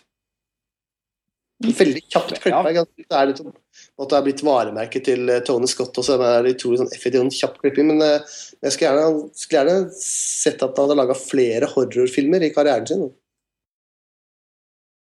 Ja, jeg skulle gjerne også sett at han enda flere ganger hadde fått det rommet som han tydeligvis hadde når han lagde The Hunger. Mm. Som jo Den har jo veldig profilerte skuespillere i hovedrollen og ser jo rimelig påkostet ut, men likevel så virker det som han har hatt fullstendig kunstnerisk frihet når han har laget den. Han til det, I de siste filmene sine så eksperimenterte han jo veldig mye med formspråket i Man on Fire og, eh, og Déjà Vu og, og, og sånn, men eh, det, jeg, jeg, jeg syns det var noe et eller annet veldig Det var noe veldig vakkert med den fullstendig sånn kompromissløse tilnærmingen til fortellingen som var i, i The Hunger. Da. Det var liksom nesten sånn kollasj av bilder og stemninger som ikke hang helt Men på, nei, det hang liksom ikke helt på greip, men så gjorde det det likevel. Han sa Ganske- vel i- Hæ? han sa vel i et intervju også at på den tiden så var han mest, altså mest fascinert av bilder. Klippe dem sammen. Ja. Uh, ikke så veldig mye av historien, men, uh, men bildene, effekten av det. Av det lille, ja, det er, liksom, det er noe med den lille tråden av historie som er der, funker jo òg. Selv, om- selv om det ikke er så mye kjøtt på den, så, så er den liksom den, den, den har sin funksjon, og da får han i hvert fall noe å sortere de, alle disse fantastiske bildene sine rundt. Da. Mm, mm. Så ja, Jeg vet jo at det er mange som også syns at den filmen er som en eneste lang parfymereklame med vampyrer. Jeg, jeg har ikke så mange gode argumenter mot det, men eh, Det er en veldig bra reklame. Altså, kan man godt si. ja, for å si Førsteklasses ypperlig eh, parfymereklame med vampyrer. Ja, det kan vi være enige om. Den må dere, du har heller ikke sett den, Martin? Nei, det er et hull i Tony Ja, jeg hadde jo nettopp sett den selv, men den var jo Nei, den var virkelig, virkelig stas. Men det var kanskje ingen stor eh, sånn eh, kommersiell suksess? Nei, det var ikke han Altså, det var jo det, var også Tony Scott i trodde at han ble hata i Hollywood etter den filmen. Og han trodde vel strengt tatt at det var over. Og det er jo spesielt da at, eh, at eh, Don Simpson og Brockheimer tok kontakt med han for å lage, lage Top Gun. Når man ser filmen Top Gun, så tenker jeg jeg kan forstå det, men i utgangspunktet så er det rart å se at man har ønske om å lage en utrolig kommersiell film, og så hei, vi tar han som lagde The Hunger. Og så lager vi Top Gun, som liksom var, ble prototypen på blockbuster. Ja, På den annen side så, så tok jo Mel Brooks uh, han som lagde Eraserhead, og fikk han til å lage Elefanten, ikke sant? David Lynch. Så, så på den tiden så var vel kanskje produsenter litt friskere. Har ikke du også på et eller annet tidspunkt fortalt at de hadde lyst til å få David Cronenberg til å lage Top Gun? uh, jo, det kan godt være. Er, er, er det jeg som har fortalt det? Ja, det tror jeg du skrev i et kommentarfelt på montasje en gang. Ja. I forbindelse Ja, med det- at de hadde sett Fast Company eller noe sånt nå. Ja, ja, men, ja fast Company, ja, men det var ikke i forbindelse med, med den, eh, den andre, den bilfilmen til, eh, til Bruckheimer og Don Simpson. Days of Thunder. Det var også Tony Scott. ikke? Jo, jo. Mm. Det var det kanskje. Det var nok uh, mer laglig å tro at uh, Cronenberg For Cronenberg digger jo sånn, vet du. Ja, Crash. Han lagde jo Crash. Ja, den er, det er jo ja, fast. Men, eh, fast, Company er en bilfilm. innrømme en ting. At jeg, apropos Kroneberg, ikke at det var han, men før vi begynte på det Før vi begynte nå i kveld, så så jeg Fluen 2. Å, ja. Ja. oh dear. Hvem er det? Den husker jeg, husker jo selvfølgelig Fluen veldig godt. Hvem er det han som har lagd Nei, det er noen andre som har lagd den. ikke sant? en ung Erik Stoltz, i hvert fall i hovedrollen, og det er eh, Jeg, jeg vet ikke hvem som har laga den. Det er, Chris Wallace står det på. Ja, Chris Wallace. Mm. Yes. Å ja, dere sitter og jukser, dere. Ja, ja. Hva annet har han gjort? Ja. Han hadde noen utrolig kule effekter, og så irriterer meg alltid når ting kan være veldig kult, og så blir det ikke kult fordi de ikke gidder. Virker det som. De har bare veldig alle pengene sine i én kul scene med monsterscene, og så er det bare flyter resten ut eh, Bare sprekker. Det kuleste Chris Wallace har gjort, ser jeg, han har eh, regissert eh, noen episoder av Tales from the Crypt, og så har han vært eh, makeup-artist på Gremlins. Hey. Hey. Og, og Raiders of the Lost Ark. Ok, men da har han nå skrytt av det. Det er bra. Ja, Det er greit nok, det. Det er respektabelt. det er Ja, respektabelt. David Cronenberg er vel kanskje også en regissør som jeg er nødt til å snakke litt om. Gjerne det. Ja, faen, Ligger i hvert fall også mitt hjerte. Ja, han er jo inne på det som jeg har fått med meg, en annen sånn stor sånn body-horror-subsjanger. Ja, Fy faen, han er patologisk gæren. Ja, men det verste for meg der er Dead Ringers. Uten Altså, bare Den står øverst for meg. Den er bare så jævlig. Den har jeg ikke sett, men det handler om gynekologer. Ja. Siamesiske tvillinger, på en måte. Tvillinger Da får du det seksuelle, psykoseksuelle elementet ditt igjen, vet du. Jeg sniker inn det jeg kan. Så Ja, men den, den er veldig, ja, absolutt. Det er blir skikkelig sterkt inntrykk på meg, altså. Eh, Veldig, veldig sterkt inntrykk på meg. Det er sånn eh, Den satt eh, Den satt. Så helt den sluttscenen hvor eh, Skal vi kanskje ikke spoile noe? Eller kan jeg spoile i vei? Ja, vi pleier ikke å være så nøye på det i Filmfrelst, egentlig. Nei, på slutten hvor han da på en måte våkner opp og har Han har jo bare åpna opp eh, brystet til broren sin, bokstavelig. Og, og broren ligger der fortsatt i legestolen med bare buken skåret opp. Og han på en måte bare står der og Han skjønner det, men han skjønner det ikke. Og så skjønner han det, og så skjønner han det ikke. Og så bare snur han ryggen litt sånn sakte til. Jeg husker ikke helt hva han sier, men han sier et ord igjen og igjen og igjen. og igjen. Jeg tror det er navnet til broren. Og er, Den scenen gjorde utrolig sterkt inntrykk på meg. Det var eh, hele den filmen også har en sånn Da er inne på det igjen, da. Er horror, drama, ja. Eh, også litt sex, selvfølgelig, som jeg holdt med å dra inn. Men uh, en kjærlighetshistorie egentlig midt oppi det. Selv om hun dama faller jo for begge to, for de er jo tvillinger. Um, men det er eh, Jeg vet ikke hva slags forhold dere har til den, men den for meg er Kronenbergs Den som gjorde sterkest inntrykk på meg. Ja, han òg. Det var den første Kronenberg-filmen jeg så, og jeg så den vel jeg vet ikke, fem-seks ganger i løpet av et par uker, så den gjorde jo inntrykk. da. Det var veldig ubehagelig første gangen. Og Veldig. så ble den mer og mer fascinerende for hver gang jeg så den. Mm. Uh, og så har jeg jo sett de tidlige filmene hans etterpå, altså The Brood, Shivers uh, og sånne ting, som er sånn patologisk uh, kjønnssykdom, et eller annet gud vet hva-filmer, som er ganske intense greier, spesielt Shivers. Mm. Ja, den syns jeg er intens òg. Det, det var jeg veldig overrasket over hvor ekkel var, egentlig. Ja, men det er noe sånn ekkelt med Cronenberg sine filmer. Ja, Det, Fly. er alltid ekkelt som det ligger over et eller annet sånn, sånn sky av ekkelhet, syns jeg ofte i de, i de filmene hans. Det gjelder jo også de uh, History of Violence og sånn også. Jeg har også en sånn eim av ubehag helt fra første bilde. Når Mm. kameraet sakte sklir nedover, ikke sant? Sånn, så er det noe sånn Å, faen, sånn, du vet, det går ikke noe greit. Det er du vet. Og du hører den, de siristene som Ja. De setter seg i den bilen, lange longtaket, som går Ja. inn, hvor han skyter hun lille jenta inne på den bensinstasjonen. Ja, Det er, det er jo så skyte og så Martyrs òg.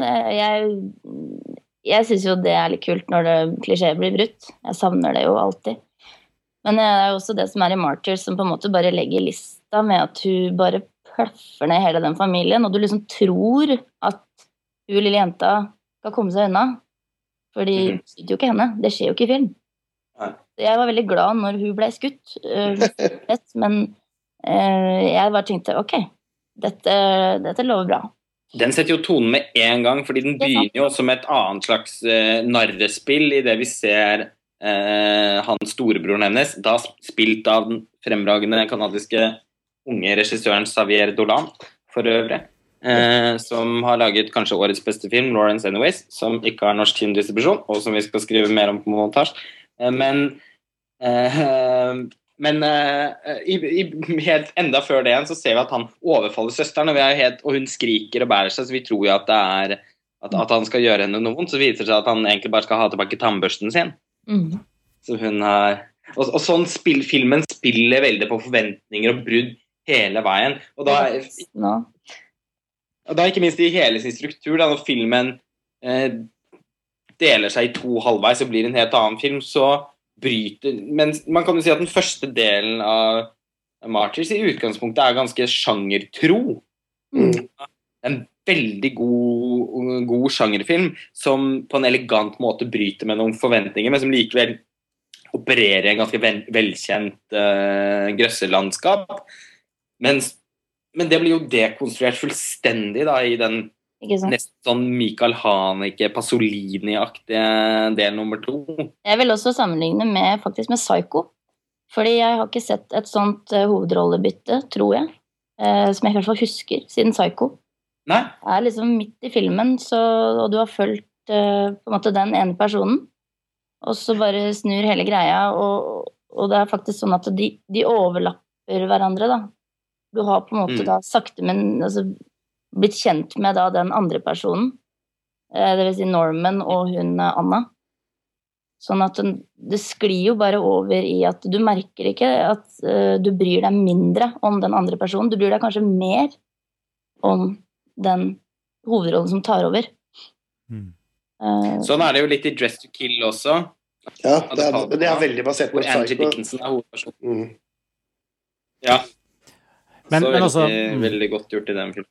Her, her syns jeg på altså du, ja, litt inn på noe som kanskje er noe som skjer stadig mer. Vi har jo levd så mange tiår med, med horrorfilm og sånn, og, og, og vi ser liksom Og det skjedde kanskje noe på 90-tallet, og når Scream kom, mm, og, og vi etter hvert Og nå er jo Scream Scream har jo kommet i, i Scream 4 kommer nettopp på, hvor, hvor filmene stadig mer er nødt til å på en måte spille på de forventningene som ligger til sjangeren, for så å bryte dem for å fortsette å være interessant eller, eller tilføre noe nytt. Da. Vi har jo noen nye subsjangre og konvensjoner. Vi har liksom den derre found footage-sjangeren. Ja, Torture porn har også vært veldig sånn så-filmen. og Det har også vært eh, Ja, så også en ny greie som har kommet det siste, siste tiåret, eller Found footage har jo tatt helt av, og demonansikt og jenter med langt svart hår. Ja, eh, hvor, hvor, hvor er vi liksom i dag? Du var inne på at vi driver og remaker gamle filmer. øh, øh, ekkel.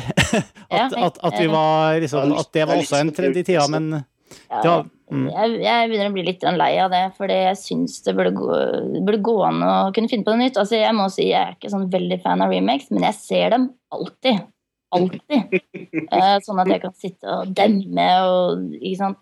Men noen remakes er faktisk ganske gode. Altså, den, eh, altså Remaken av Last House on the Left er, eh, er faktisk verdt å kikke på. Den er, eh, den er faktisk gjør det, hvis du mener det.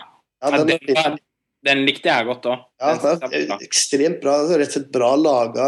God, altså, det er en bra film. Det er ikke sånn surrete sånn nå lager vi noe nytt sånn derre La oss uh, lage remake av Texas Chainsaw Massacre og dra fram røykmaskinen og, Og og, og eh, la, la, la, la. Mm? Så Mila Kunis i hovedrollen. Ja. ja, takk.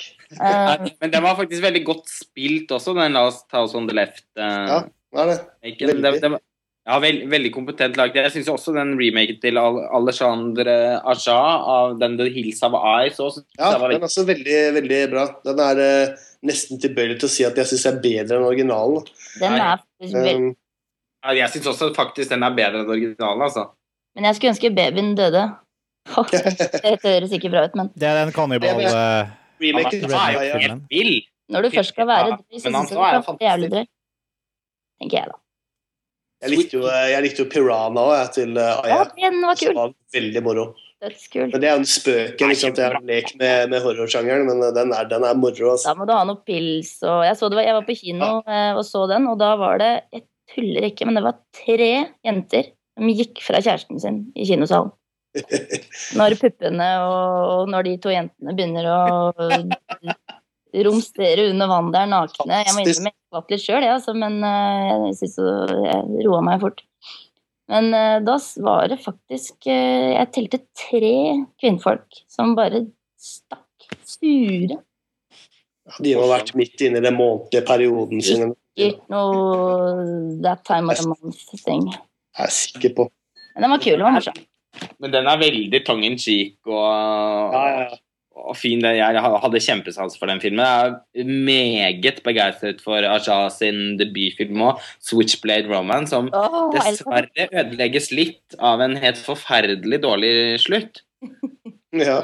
Tvunget på han av denne helvetes Luc Besson, som, okay. som må ha en finger i hver eneste pai i hele Frankrike. Men Var det han som, eh, var det han som eh, fikk en til å twiste sånn? Nei, historien forteller oss det. Uh, Har dere lest boka? Jeg tror det er din uh, han der som alltid konkurrerte med Stephen King, Dean Konots, som har skrevet boka, heter 'Intensity'. er det sant? ja, jeg prøvde å finne den, men den er basert på en bok av Dean eh, Konots, eller hvordan man sier det. Og, og den heter Kuntz. Intensity. Hva sa du? Din Kuntz. Din Kuntz. Mm. Takk. Og den heter Intensity. og Jeg har prøvd å vært litt rundt på bruktsjapper og sett litt på nett og sånn. Jeg har ikke funnet den ennå, men det, der er det, no, der er det visstnok en annen slutt som egentlig skulle være den originale slutten, men så, så blei det noe sånn som det blei. Det så jeg med sine sure, utspikka fingre og ødela alt. Ja. Typisk. Ja, det er veldig, veldig synd, fordi filmen hadde jo nest Altså, det det er tilnærmet et bitte lite sjangermesterverk, syns jeg. Hadde det ikke vært for den slutten, da. Jeg syns jo den første timen av Switchblade Dramas er helt Det er så rolig. spennende. Den har liksom alt. Det er spenning, det er slash, det er, det er, altså, det er high tension, liksom, hele veien. Hele veien. Og den er så lekker også. Det er så lekker scenografi og lekkert foto. Nydelig filmspråk. Bra er skuespill av My Venn og hun derre fra Hun heter Cecilie France, og hun er pen, altså. Men eh, nei, den er, den er dødskul. Det var en av mine ved siden av Martyrs. Jeg digga Frankrike på den perioden, altså, for da leverte de mye bra. Så jeg vet ikke om det er de som har det den. de hører jo til den bølgen som kalles En gang til. Kaller- Det høres jo, de hører jo til den bølgen som kalles for New French Extremity, mm. Som ikke innbefatter eh, skrekkfilmer. da, innbefatter jo filmene til Katrin Breillat og, og sånn også. Som jo, som jo um, ha- er mer sånn seksuelt eh, ut, utskeiende enn ja. Hun mener jeg bestemt burde gå til behandling, ikke lage så mye film, da, men eh, det er min Katrin Breillat. Ja, fy faen. Jeg er veldig fan av henne. Åh, gud, roman som så på, så på å stryke med. Du liker, du liker ikke det? Liker du Nei, nei, nei. Nei det, var, det, var, det var sånn horror for meg som bare, som bare ikke var noe greit å se. Ja, horror, det. Men altså, kan jeg spørre dere altså, Det er en av mine, faktisk en av mine favoritter fra 90-tallet fra 90-tallsfilm i det hele tatt, er Romance. Jeg er veldig glad i det. frustrert kvinne drar på, drar på uh, finn seg sjæl-safari. Ai. Den har jo mange likhetstrekk med Negative. Også litt Antichrist, men også veldig Eyes Wide Shut. Ja, men det er jo Stefan banalt. Altså, de sånn tvinger den derre stakkars mannen sin som vil lese og slappe av, til å ha sex med henne, som blir gravid, så dreper hun ham. Og får et barn som skal oppkalle etter den. Nei, nei, nei. nei. Å, den kan du skrive mange analyser av! Ja, ja, det er jo ekstremfeminisme og la, la, la. og Alt det der, men, ja, ja, ja. eh, men det, jeg, er ikke, jeg er ikke imot det, altså, men jeg er imot den filmen. ja du skal få lov Har du sett Fat Girl, da? Nei, men den høres fin ut. Den er jo, den er jo helt Det er den aller beste filmen, syns jeg. Den vil jeg varmt anbefale uansett. Det er definitivt ikke noe horrorfilm, da. Men, eh, men, eh, men veldig god uansett. Men, eh, men poenget mitt er at det skjedde veldig mye i Frankrike i, i, i denne perioden her, og, og Switchblade Romance og Martyrs er vel på en måte to høydepunkter. Det er jo også en film som heter in, eh, Interiør, eller Inside, som jeg ikke har fått sett, dessverre. Ja, det jeg prøvde å si. Den er fin. Den er fin, ja. Det er horror. Det er horror. Eh, helt fantastisk åpningsscene hvor du er inne i livmora på en, eh, på en dame, og du ser fosteret en, eh, under en kollisjon. Ja, det er eh, spesielt. Altså. Den, er, den er veldig bra. Jeg har sett åpningsscenen fra en kompis som er ganske opptatt av den. eh, så den er blitt vist. Jeg ble veldig, ble veldig trigga av det. Men så er det også noen som har fortalt meg at den kanskje taper seg litt utover. Jeg syns ikke det. Den er, den er veldig Jo, det er litt sånn irriterende momenter, sånn som to komplett talentløse politimenn som Litt den derre når du skal løpe, så setter du deg ned i et hjørne og bare blir drept. Så Men uh, bortsett fra det, så den er kul. Den har, i, i likhet med High Tension, så syns jeg at begge de to filmene har en ordentlig skremmende um, Altså morder, da, om du vil. Mm. Jeg skal kalle den personen som på en måte skal være skummel. Men eh, han i Tension også, han er så Jeg er ordentlig redd den. Og det er jeg hun dama her også i Inside, når hun, når hun står utafor vinduet første gang og bare Jeg tror hun slår på vinduet er veldig hardt.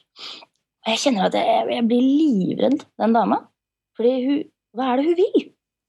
Uh, og litt det der med å sitte hjemme i sin egen stue og ta det med ro, og så står det bare en og ser på deg, og du skjønner ikke hva den vil.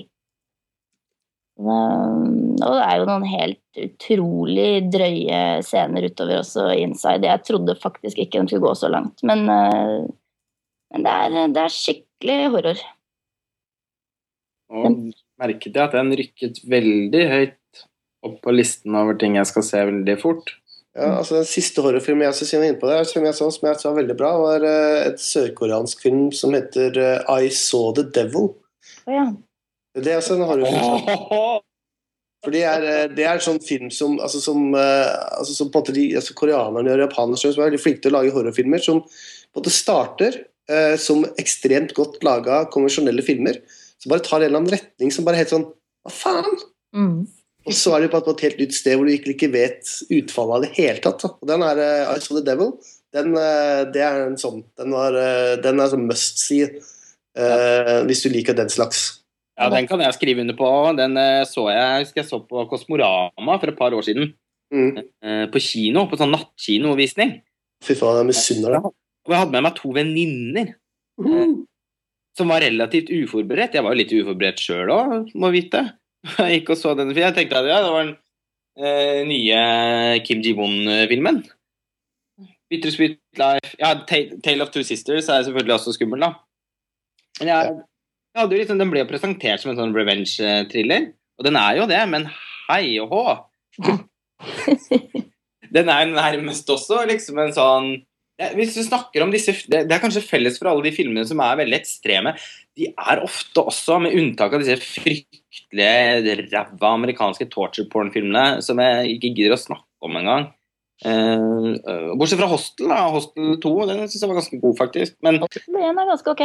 ja, men, men, men, eh, men, men, men så og sånn syns jeg er begredelig. Men det kan, ja, det kan hende noen liker det òg. Men, uh, men mange av de sånn som de ekstreme franske filmene som vi har snakket om, og også denne her sørkoreanske gærningen, da er, de, de, de drar, tar det helt ut, men de gjør det med en, en slags intelligens, syns jeg. Ekstremt bra laga. Altså den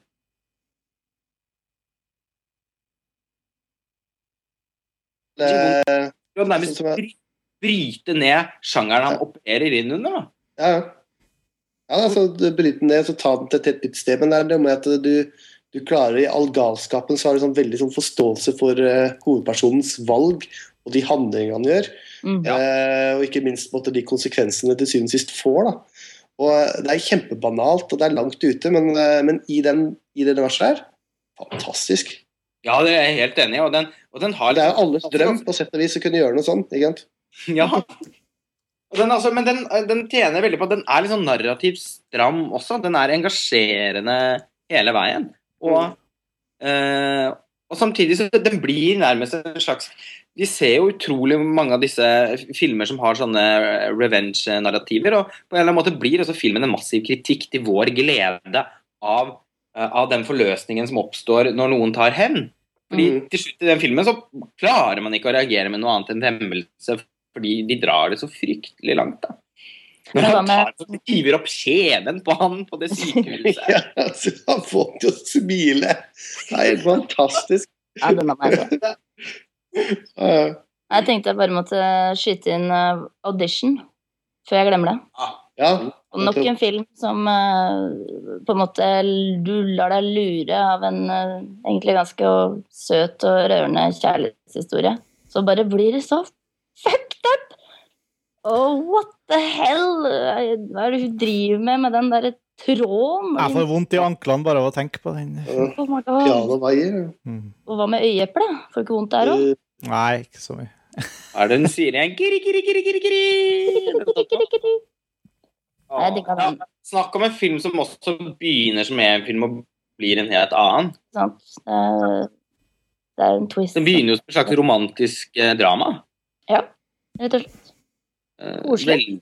ja, veldig bra, Bjørn. Men det ulmer, det ulmer, og når du ser hun spyr i en skål foran en sekk som skriker, så, så begynner det liksom å Det begynner å gjøre litt vondt i magen, da, altså.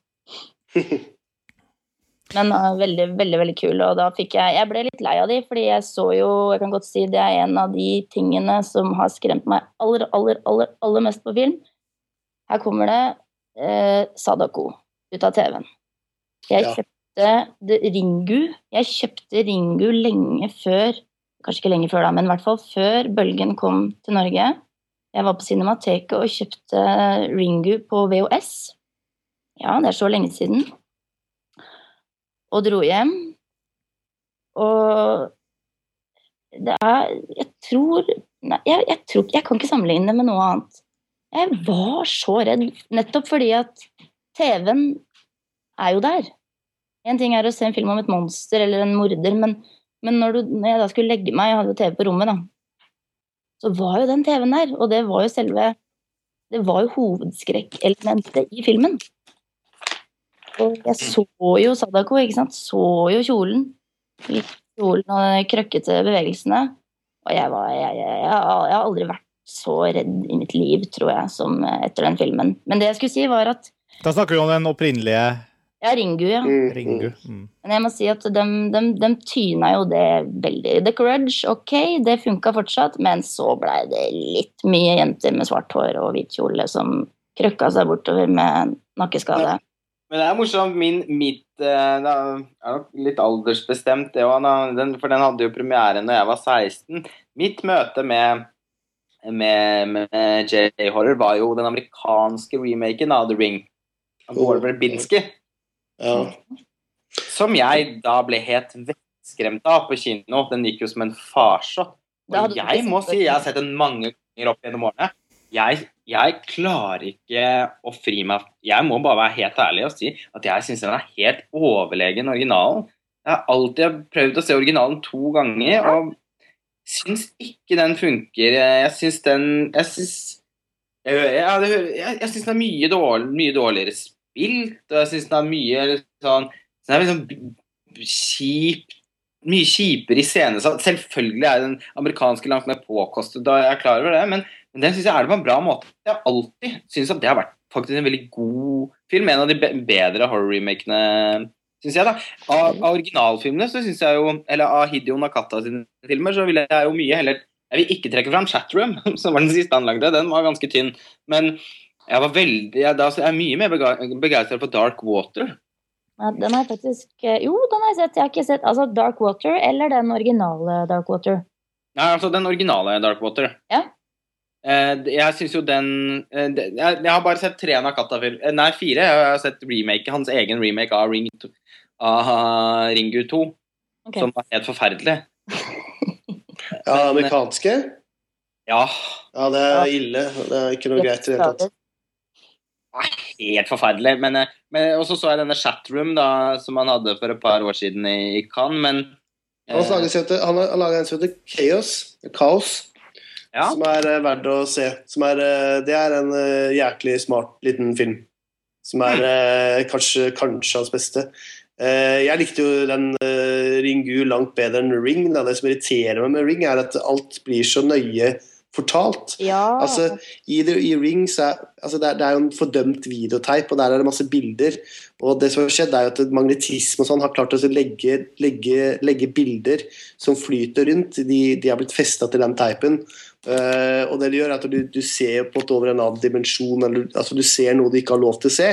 Da må du dø, for det er en forbannelse. Men, men uh, i, i den amerikanske versjonen så, så blir hvert eneste bilde på den videoteipen det blir forklart.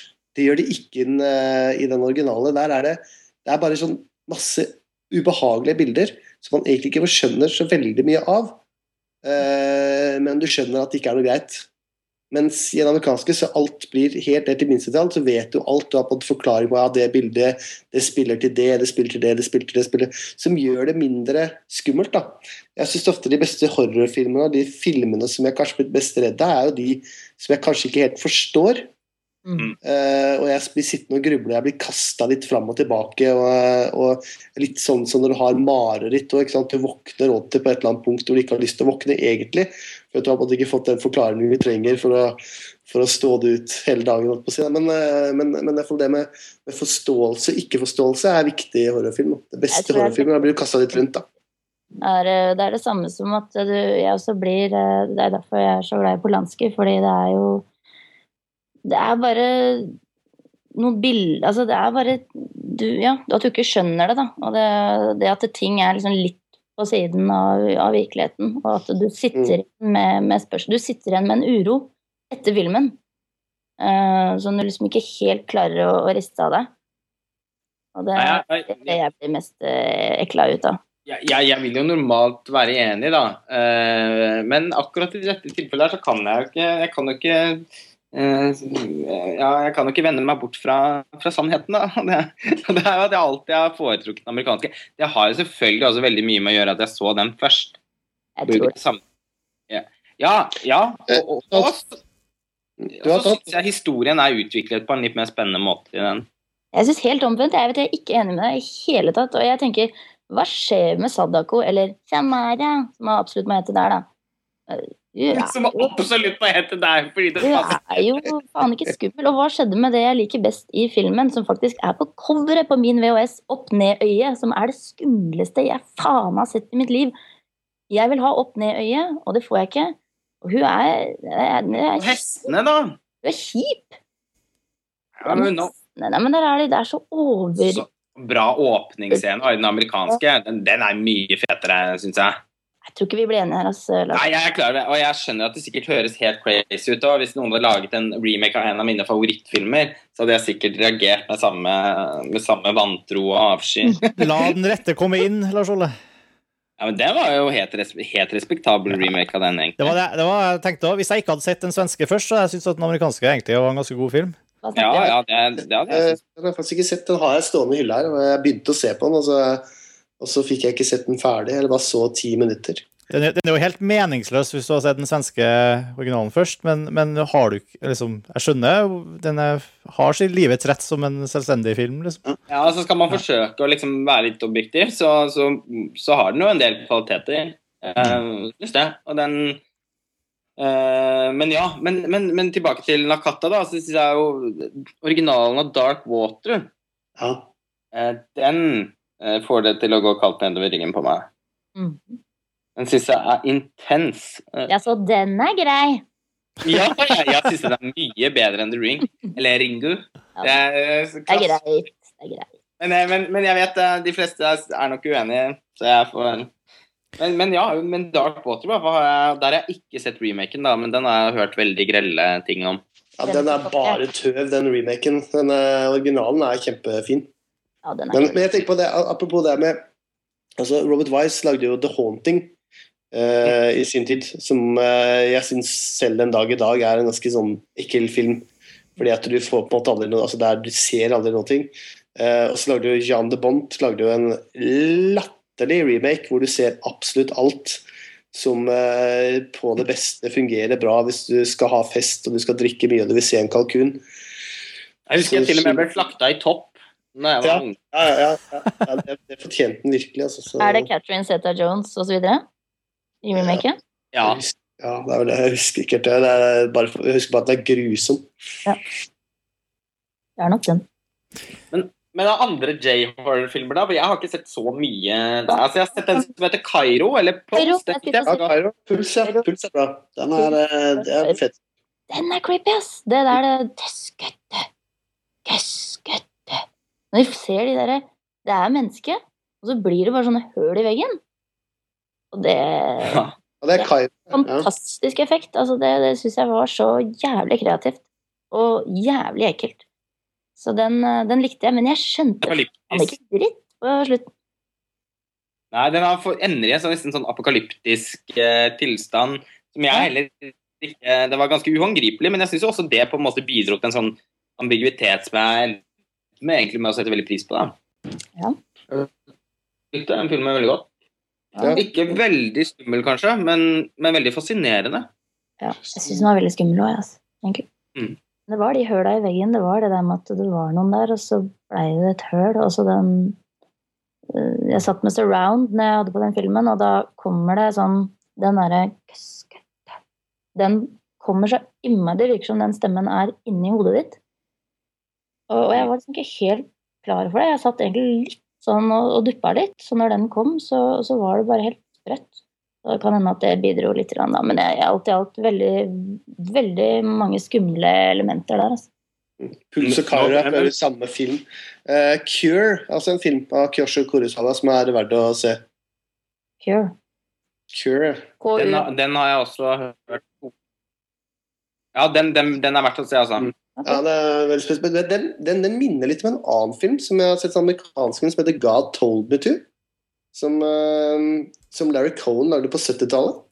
Så det er faktisk verdt å se Cure og så se God Told Me To etterpå. God Told Me To er for en horrorfilm som er, eh, som er altfor lite sett og altfor lite snakka om. Det er en smart liten film. Det er noen av de, altså. Det er jo den som jeg anmeldte nå, med Mia Farrow, Blind Terror, aka uh, See No Evil. Og egentlig er det en veldig kul skrekkfilm om en, en jente som detter av hesten og blir blind. Og så drar hun hjem fra sykehuset, og så drar hun på en sånn skogstur med en ekskjæreste. Og når hun kommer hjem, så har alle i huset blitt drept. Hun ser det ikke. Eh, Jeg digger jo det konseptet. Og jeg syns det var veldig kul Det er, eh, det er Richard Fleischer det, i hans, eh, hans gode periode. Det er det, ja. Han, eh, ja, Fleischer hadde sånn der, han bare spytta ut plutselig sånn der serie med veldig gode filmer. Den var veldig kul, men det er ingen som har hørt om den. Omtrent. Og Dag eh, Søtholt skrev jo om den eh, Ten Rillington Place på Ja. Også, også for, bare for ja. et par uker siden. Rillington Place er altså sånn film som er et must-see for alle som liker horror. Det er, eh, den, er, eh, den, er ganske, den er ganske isende, for å si det mildt. ikke å sett den. Hva kaller 10 Wellington Street? Ten Wellington Street, ja. Yes. Jeg har ikke sett den, men jeg fikk jo fryktelig lyst til å sette den etter å ha lest eh, artikkelen. Oh, Åh, det har jeg til Den er, den er, skikkelig Den er, eh, den er veldig nedpå, den filmen òg, på en veldig sånn ubehagelig måte som gjør den veldig, veldig ekkel. Eh, føler, det, er, det er sånn Boku-aktig. veldig sånn, Det er sånn enorm realisme. Og eh, bare tenk deg Richard Attenborough da, som eh, badass. Det er jo eh, isende nok i seg selv. Ja, det høres veldig lovende ut. eh. Ja, han gjør det kanskje beste rollen. Det er kanskje en av de beste rollene hans også. Den er, det er virkelig sånn det er, det er grusomt, rett og slett. Det er en sannest opplevelse. Men Den må se. seriemorderfilmer er jo nesten også en sånn subsjanger. De, de, går, de er som regel thrillere, da, ikke sant? Men, men har jo ofte sterke elementer og horror. Og min En av de desidert skumleste filmene jeg har sett det høres, Jeg har sett den fryktelig mange ganger, for det er også en av mine favorittfilmer uansett sjanger. Men ja, for meg er det også veldig få filmer som er like, like rystende som 'Nattsvermeren', eller da 'The Silence of the Lambs'. Ja. Jeg hater med filmen, er sluttscenen eh, når de går ned i det mørke rommet, som ikke er mørkt i det hele tatt. Det er sånn, De lyssetter alt. Det er kjempevis, De bruker bare blått lys. Men eh, vi ser alt. Utrolig irriterende. Altså, tenk på fan, Hvorfor ikke, kunne de ikke bare lagd den scenen hvor du bare så et POV-shots fra de der uh, infrarøde brillene? brillene til Buffalo Bill. Ja.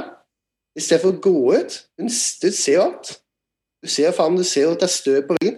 Så sånn, det, jeg husker jeg første gang jeg så den, så faen er det for noe? da? Så da var det ikke hvor jeg reiste meg og gikk, men fram til det, ekstremt bra. da. Og skummel. Nei, ikke så skummel, syns jeg egentlig.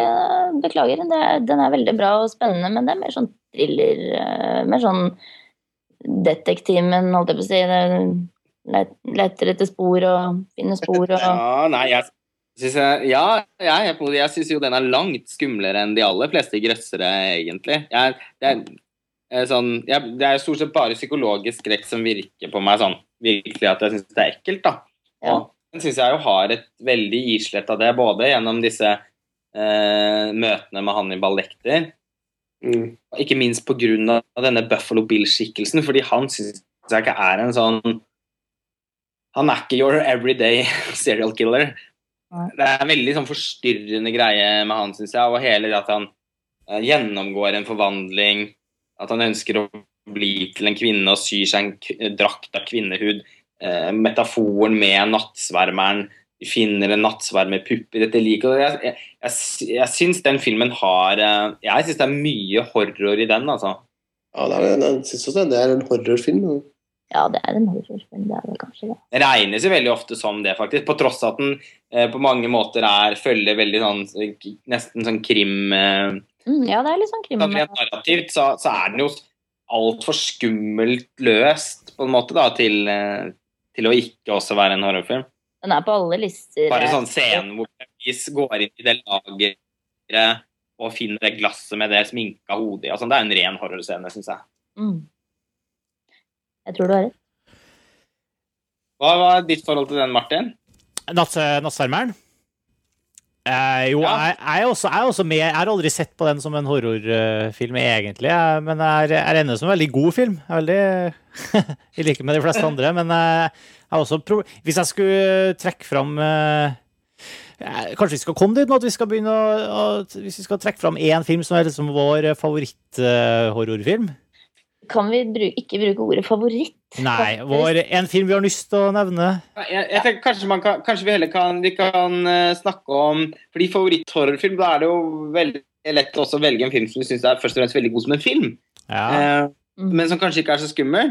Men vi kunne jo godt nevnt litt, for det blir jeg også oppriktig nysgjerrig på da, når jeg sitter to, her med liksom to horrororakler. Ja. Eh, så, så sitter jeg også med en liten liste her og noterer ned ting jeg skal se.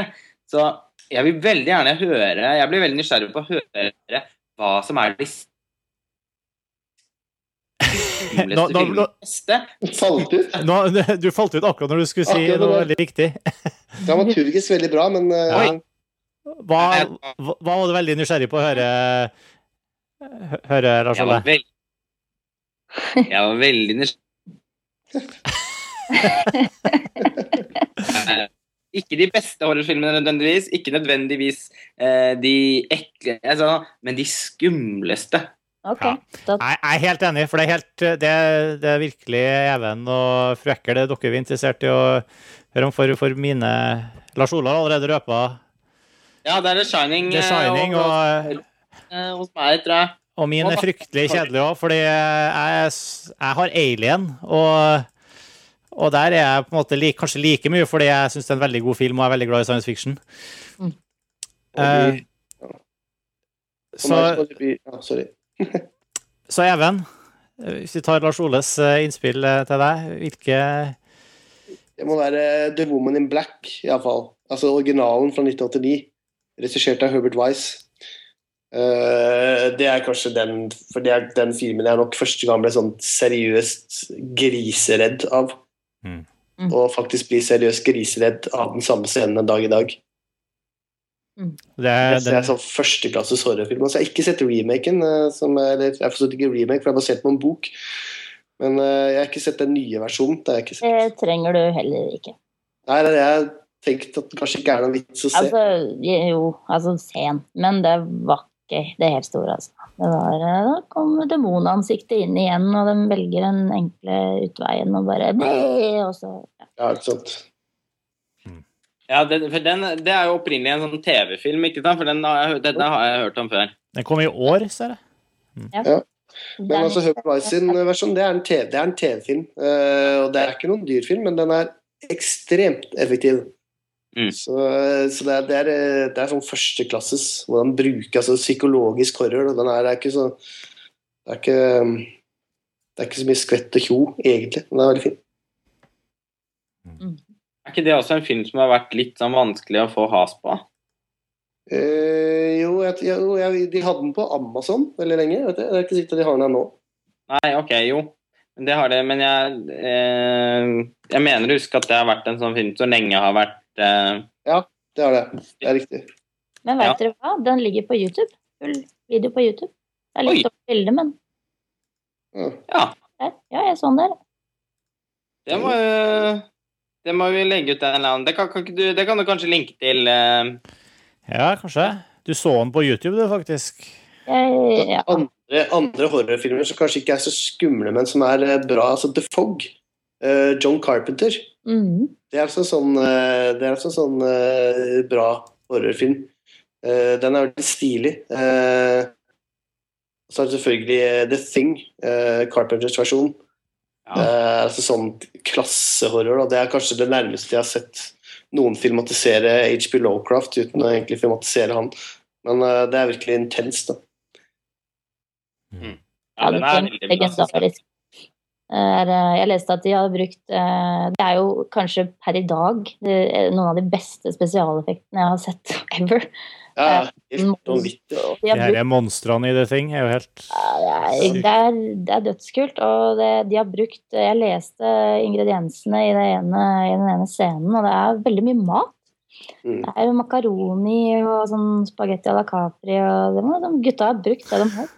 Apropos remake, hvem har sett eh, fjorårets The Thing? Ja, så- Jeg, jeg, likte det litt. Jeg synes Det var litt kos. Det er ikke noen sånn legendarisk film, men, eh, men det var ganske gøy.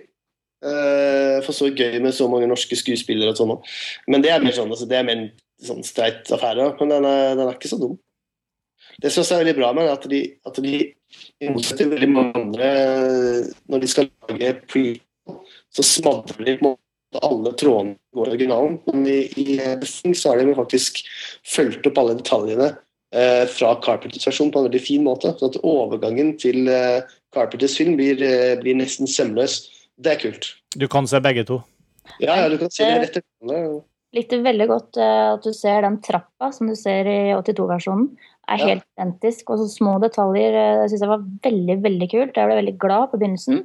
Så dabba jeg litt av, og på slutten så satt jeg egentlig bare og, og håpa at en annen skulle dø. fordi da blir det sånn der eh, om Amerika igjen at hun Tingen har jo sånn at den kan strekke alle tarmer og slynge seg rundt overalt. Men når hun jenta går rundt et hjørne, nei, da er den plutselig ikke lang nok. Da får den ikke strekt seg lenger. Det er sånn Hun kommer seg selvfølgelig vekk fordi hun er pen. Så, eh, eh, men jeg syns også veldig kult med sluttscenen med Ola Nordmann og Bjerken, bjørke, kom, Terje, vek! Eh, Det er ingen bikkje, det er en slags Det er, ting. en- det er en ting. det er en slags ting. Vekk! Så, men eh, helt enig i det. Noen av detaljene var veldig veldig forseggjort, og det syns jeg er veldig kult når det skjer. Og en, eh, altså en horrorfilm som vi ikke har snakka om, som er altså must-see, er jo Don't Look Now med Nicholas Rogue med Donald Sutherland og Julie Christie. Ja, den er Det er også sånn legendarisk horrorfilm. Kanskje en av de beste noensinne. Fy faen. Den er også masse parallelle da Antichrist har liksom blitt uh, wildcardet her. å trekke Ja. Det er også masse paralleller til Antichrist i den. Mm. Det er det faktisk. Så dette her med å komme over noe sånt, men det, det, det, altså den, den er, er heavy greier, altså. Den scenen med den lille dvergen i den røde jakka på slutten, det er vel et av de gangene jeg har skvettet mest, i alle fall. Ja, men det er når, når, altså I åpningsscenen her, når Donna Sunland kommer skrikende opp av vannet med, med sin døde Ja. datter i armene Ja, Å, det var Ja, det er ubehagelig. Ja, det er sånn ja. Klass. Altså, det, klar, det klarer ikke trier engang, altså. Det gjør det ikke. Det er, jeg liker godt åpningsscenen i Antichrist, men den er mer sånn ha-ha, på sett og vis. Selv om det er ganske kjipt. Uh, Ja. Den så fikk jeg ikke da jeg så Look Now. Nei, den eh, føles kjip. Det er jeg enig i. Ja. Det blir så vakkert ikke sant, i Antichrist. Ja, det, blir så, Ja, ja, det blir sånn sånn Tarkovskij det er det mest makabre, ikke sant. Det er eh, Men eh, foreldrene lever og bomser i dusjen mens barnet går ut av vinduet og dør. altså Det er jo akkurat som vinduet er fødselskanalen og blir til intet sånn. Det sånn Men, eh, men jeg, allikevel, jeg klarte ikke å ta det inn på samme måten som jeg tok inn uh, Don't Look Now. Ansiktet til Donald er så Han kan jo egentlig bare hvile mye på ansiktet sitt. For han, han er så Spesielt når han kommer opp av vannet, så er det samme Jeg vet ikke om dere husker eh, Det gjør dere helt sikkert. Um, From Another World. Uh, Sluttscenen i den uh, Body Snatchers? Yes! Når han får det derre ansiktet. Og det er jo Det er noe med det trynet hans uh, som, uh, som, funker perfekt i denne filmen her.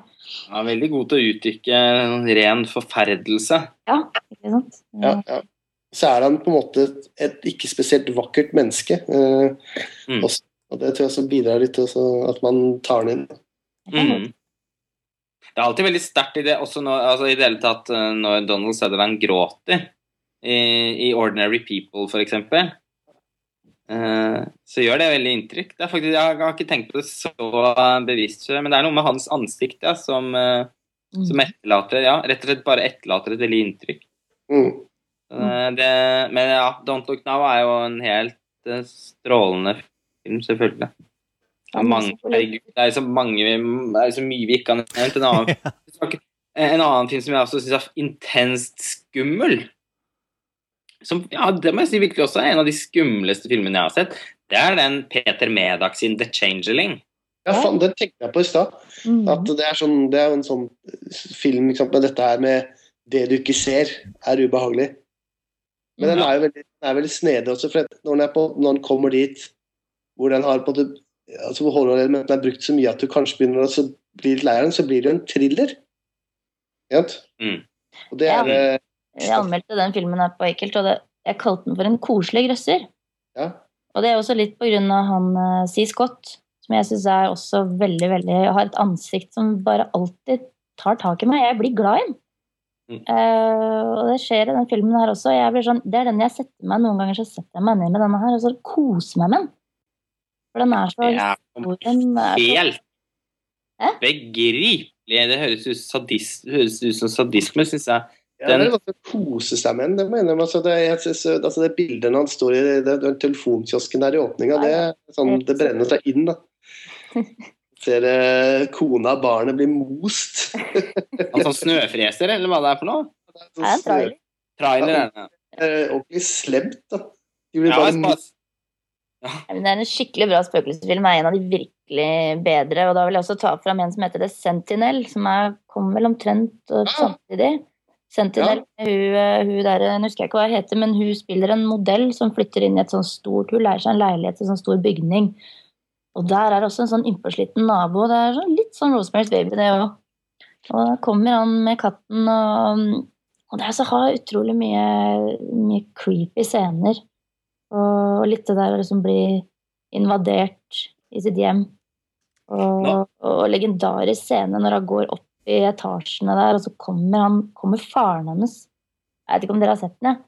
Nei, jeg har ikke sett den. Går inn i et rom, og så står det bare en sånn hvit, tynn mann bak av hjørnet, og så tenker du liksom Det er jo ingen. Og så bare går han fram mot kamera. Det er så jævlig creepy! Dere må sjekke ut den. The Sentinel 1970 et eller annet. 77. Det Sentinelle det kommer til å komme opp en annen film som er nyere, men det er ikke den. Jeg så faktisk Jeg er inne på bloggen din nå. The Sentinel. Ja. Uh, den blir for øvrig nevnt i The Burbs også. Joe Dante. Så snakker uh, uh, han Corey Feldman snakker om The Sentinel. Mm. Ja, veldig, veldig kul. Liksom, jeg, jeg, legger den litt sånn på linje med The Changeling. Da. Jeg liker den veldig godt. Jeg, jeg, har faktisk klart, jeg har gått glipp av at du har skrevet om changeling på bloggen din. Jeg ser deg nå, ja, jeg ser at du ender opp med fire av åtte tentakler for ekkelhet. Eh, fordi, ja. du, fordi, du, koser deg med den. Jeg har bare sett den filmen én gang, og den har jeg aldri fått lyst til å se igjen. Fordi jeg så virkelig ikke koste meg med den. Det er en av de få jeg, Med, med horrorfilmer som ikke er skumle, så, så, koser jeg meg jo veldig. Og mm. de som er skumle og, og veldig bra, ender jeg jo med å, å um, bli oppriktig fascinert av. Jeg syns jo denne er begge delene, men av ting jeg har sett de senere årene, er nok det en av de jeg har hatt mest problemer med å fullføre. Jeg syns uh, den siste halvtimen så, så, så, har det på en måte kokt litt over, og så, som du, du sa i stad, så går det nesten over til å bli en, en slags et, Ja. en sånn Ja, etterforskningsthriller et eller annet, ja. Ja. Og da, da mister den litt av den eh, litt av stimen, syns jeg. Men den første timen omtrent syns jeg var nesten helt uutholdelig. Nå, men tydeligvis, jeg er nok veldig svak for sånne hus.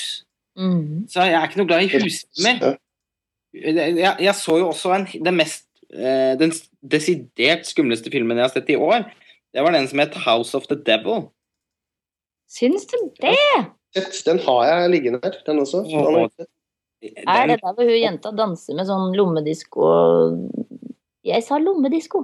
Eh, danser med Walkman og står i. Og så er det noen sånne okkulte greier og noen greier. Ja, Nei, den var, den var ikke skummel, Lars! den var kjempeskummel! Den var virke, og, ja, men herregud, Dette er jo også en film som veldig mange har trukket fram som veldig skummel, så jeg føler ikke at her føler jeg ikke at er Jeg, jeg forundrer meg. Jeg forundrer meg. Men det er så Men hva, jeg skjønner ikke hvordan du ikke kan synes at det er skummelt, fordi den spiller jo på veldig mange av de klassiske grepene som den psykologiske grøsseren gjør. Det vil si, den holder tilbake all form for informasjon. Du aner ikke hva som er i huset. Eh, jeg har alltid syntes at den skumleste delen i en skrekkfilm er midtdelen. Det synes jeg nesten alltid. Mm. Fordi Først har du en eksposisjon som du liksom bare må gjennom, og så kommer midtdelen hvor ting eh, virkelig begynner å dirre. Og så syns jeg nesten alltid det koker over til slutt. Mm. Eh, det trenger ikke gjøre det på en negativ måte, men sånn rent sånn suspensmessig så koker det nesten alltid litt av for meg. Til og med i eh, The Shining. Det gjør også det i House of the Devil. Eh, gudene skal vite det, at de fem siste minuttene der leverer ikke helt. Men eh, jeg syns jo midtdelen i den filmen var så uutholdelig lang. Hvor lenge skulle hun være og gå rundt i det huset uten at det skjedde noen ting? Hun går opp i andre etasje for å se, om, Seter, hun gamle som visstnok skal ligge og sove der oppe. Mm. Sette på seg lommedisko, som du så fint sa. Og, eh, en kjempehøy lyd, og danser rundt. Og jeg bare sitter og, med hjertet i halsen og venter på at noe et eller annet skal stå foran henne. Jeg syns det var, jeg var helt ødelagt etter å ha sett den. Jeg. Er helt enig med deg med det der. Altså, jeg kjeder meg veldig veldig sjelden når det ikke skjer noe. Jeg er veldig tålmodig fordi jeg er veldig glad i eh, begynnelsen. Altså, det er litt sånn introduksjoner og litt sånn Men eh, jeg er også veldig glad i den der oppbygninga, og jeg er sånn at jeg, jeg vil helst ikke at det skal skje noe, eller at det skal renne over. Nei. Eh, og da kan jeg godt bare gå rett på den min skumleste film gjennom tidene. Altså, det er ikke det verste jeg har sett. På ingen måte, for jeg har sett utrolig mye jævlig, i hvert fall nå etter at jeg begynte med Ekkelt og det havler inn med tips. Eh, og alle skal overgå hverandre. Så, men det er, er kanskje ikke noen overraskelse. The Blair Witch. Jeg så den fem ganger på kino, og jeg kom ut til Karl Johan og var redd. Jeg var redd. Jeg gikk innover Karl Johan. Og det, det, det er eh, Den har en egen plass inni meg som jeg tror ingen, ingen kan, kan ta, altså. Jeg ble så bevegelsessyk at jeg så på kino, så sovna jeg. Jeg ble så kvalm. Oh. Men eh, så jeg våkna Jeg sovna vel etter 20 minutter, og så våkna jeg igjen eh, de siste tre minuttene. Det var ganske intenst. det er intenst, den sluttscenen. Jeg, jeg klarer nesten ikke å snakke om det. Jeg, jeg, jeg blir urolig samtidig som jeg får lyst til å se den. Så det er sånn eh, Nei, jeg er veldig, jeg er veldig glad i den, og jeg, jeg, blir bare skremt shitless hver gang.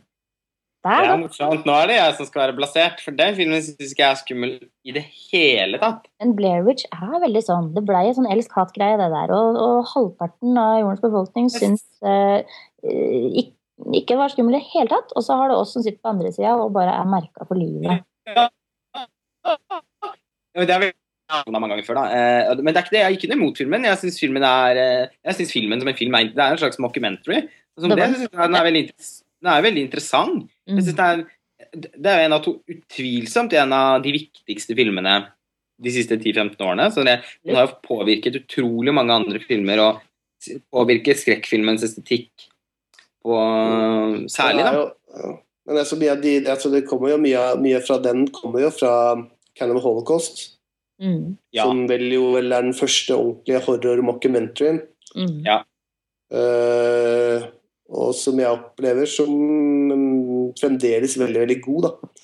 Spesielt den dokumentardelen av Cannibal Holocaust. Det er ganske hissige greier.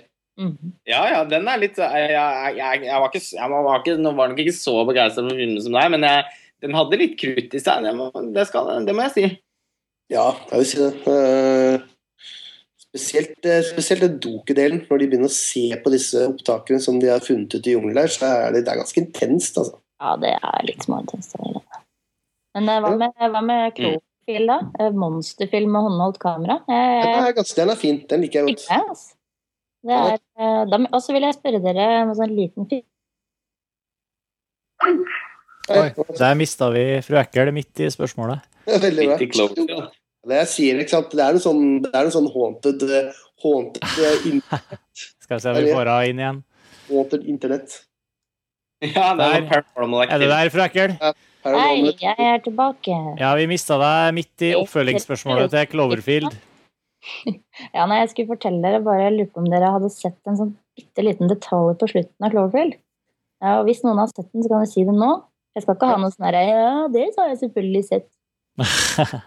Nei, jeg må innrømme at den filmen eh, har jeg sett en gang, og jeg syns ikke så veldig mye om den, husker jeg. Jeg syns den var dødskul. hva, hva er detaljen du så? Hva er detaljen du så?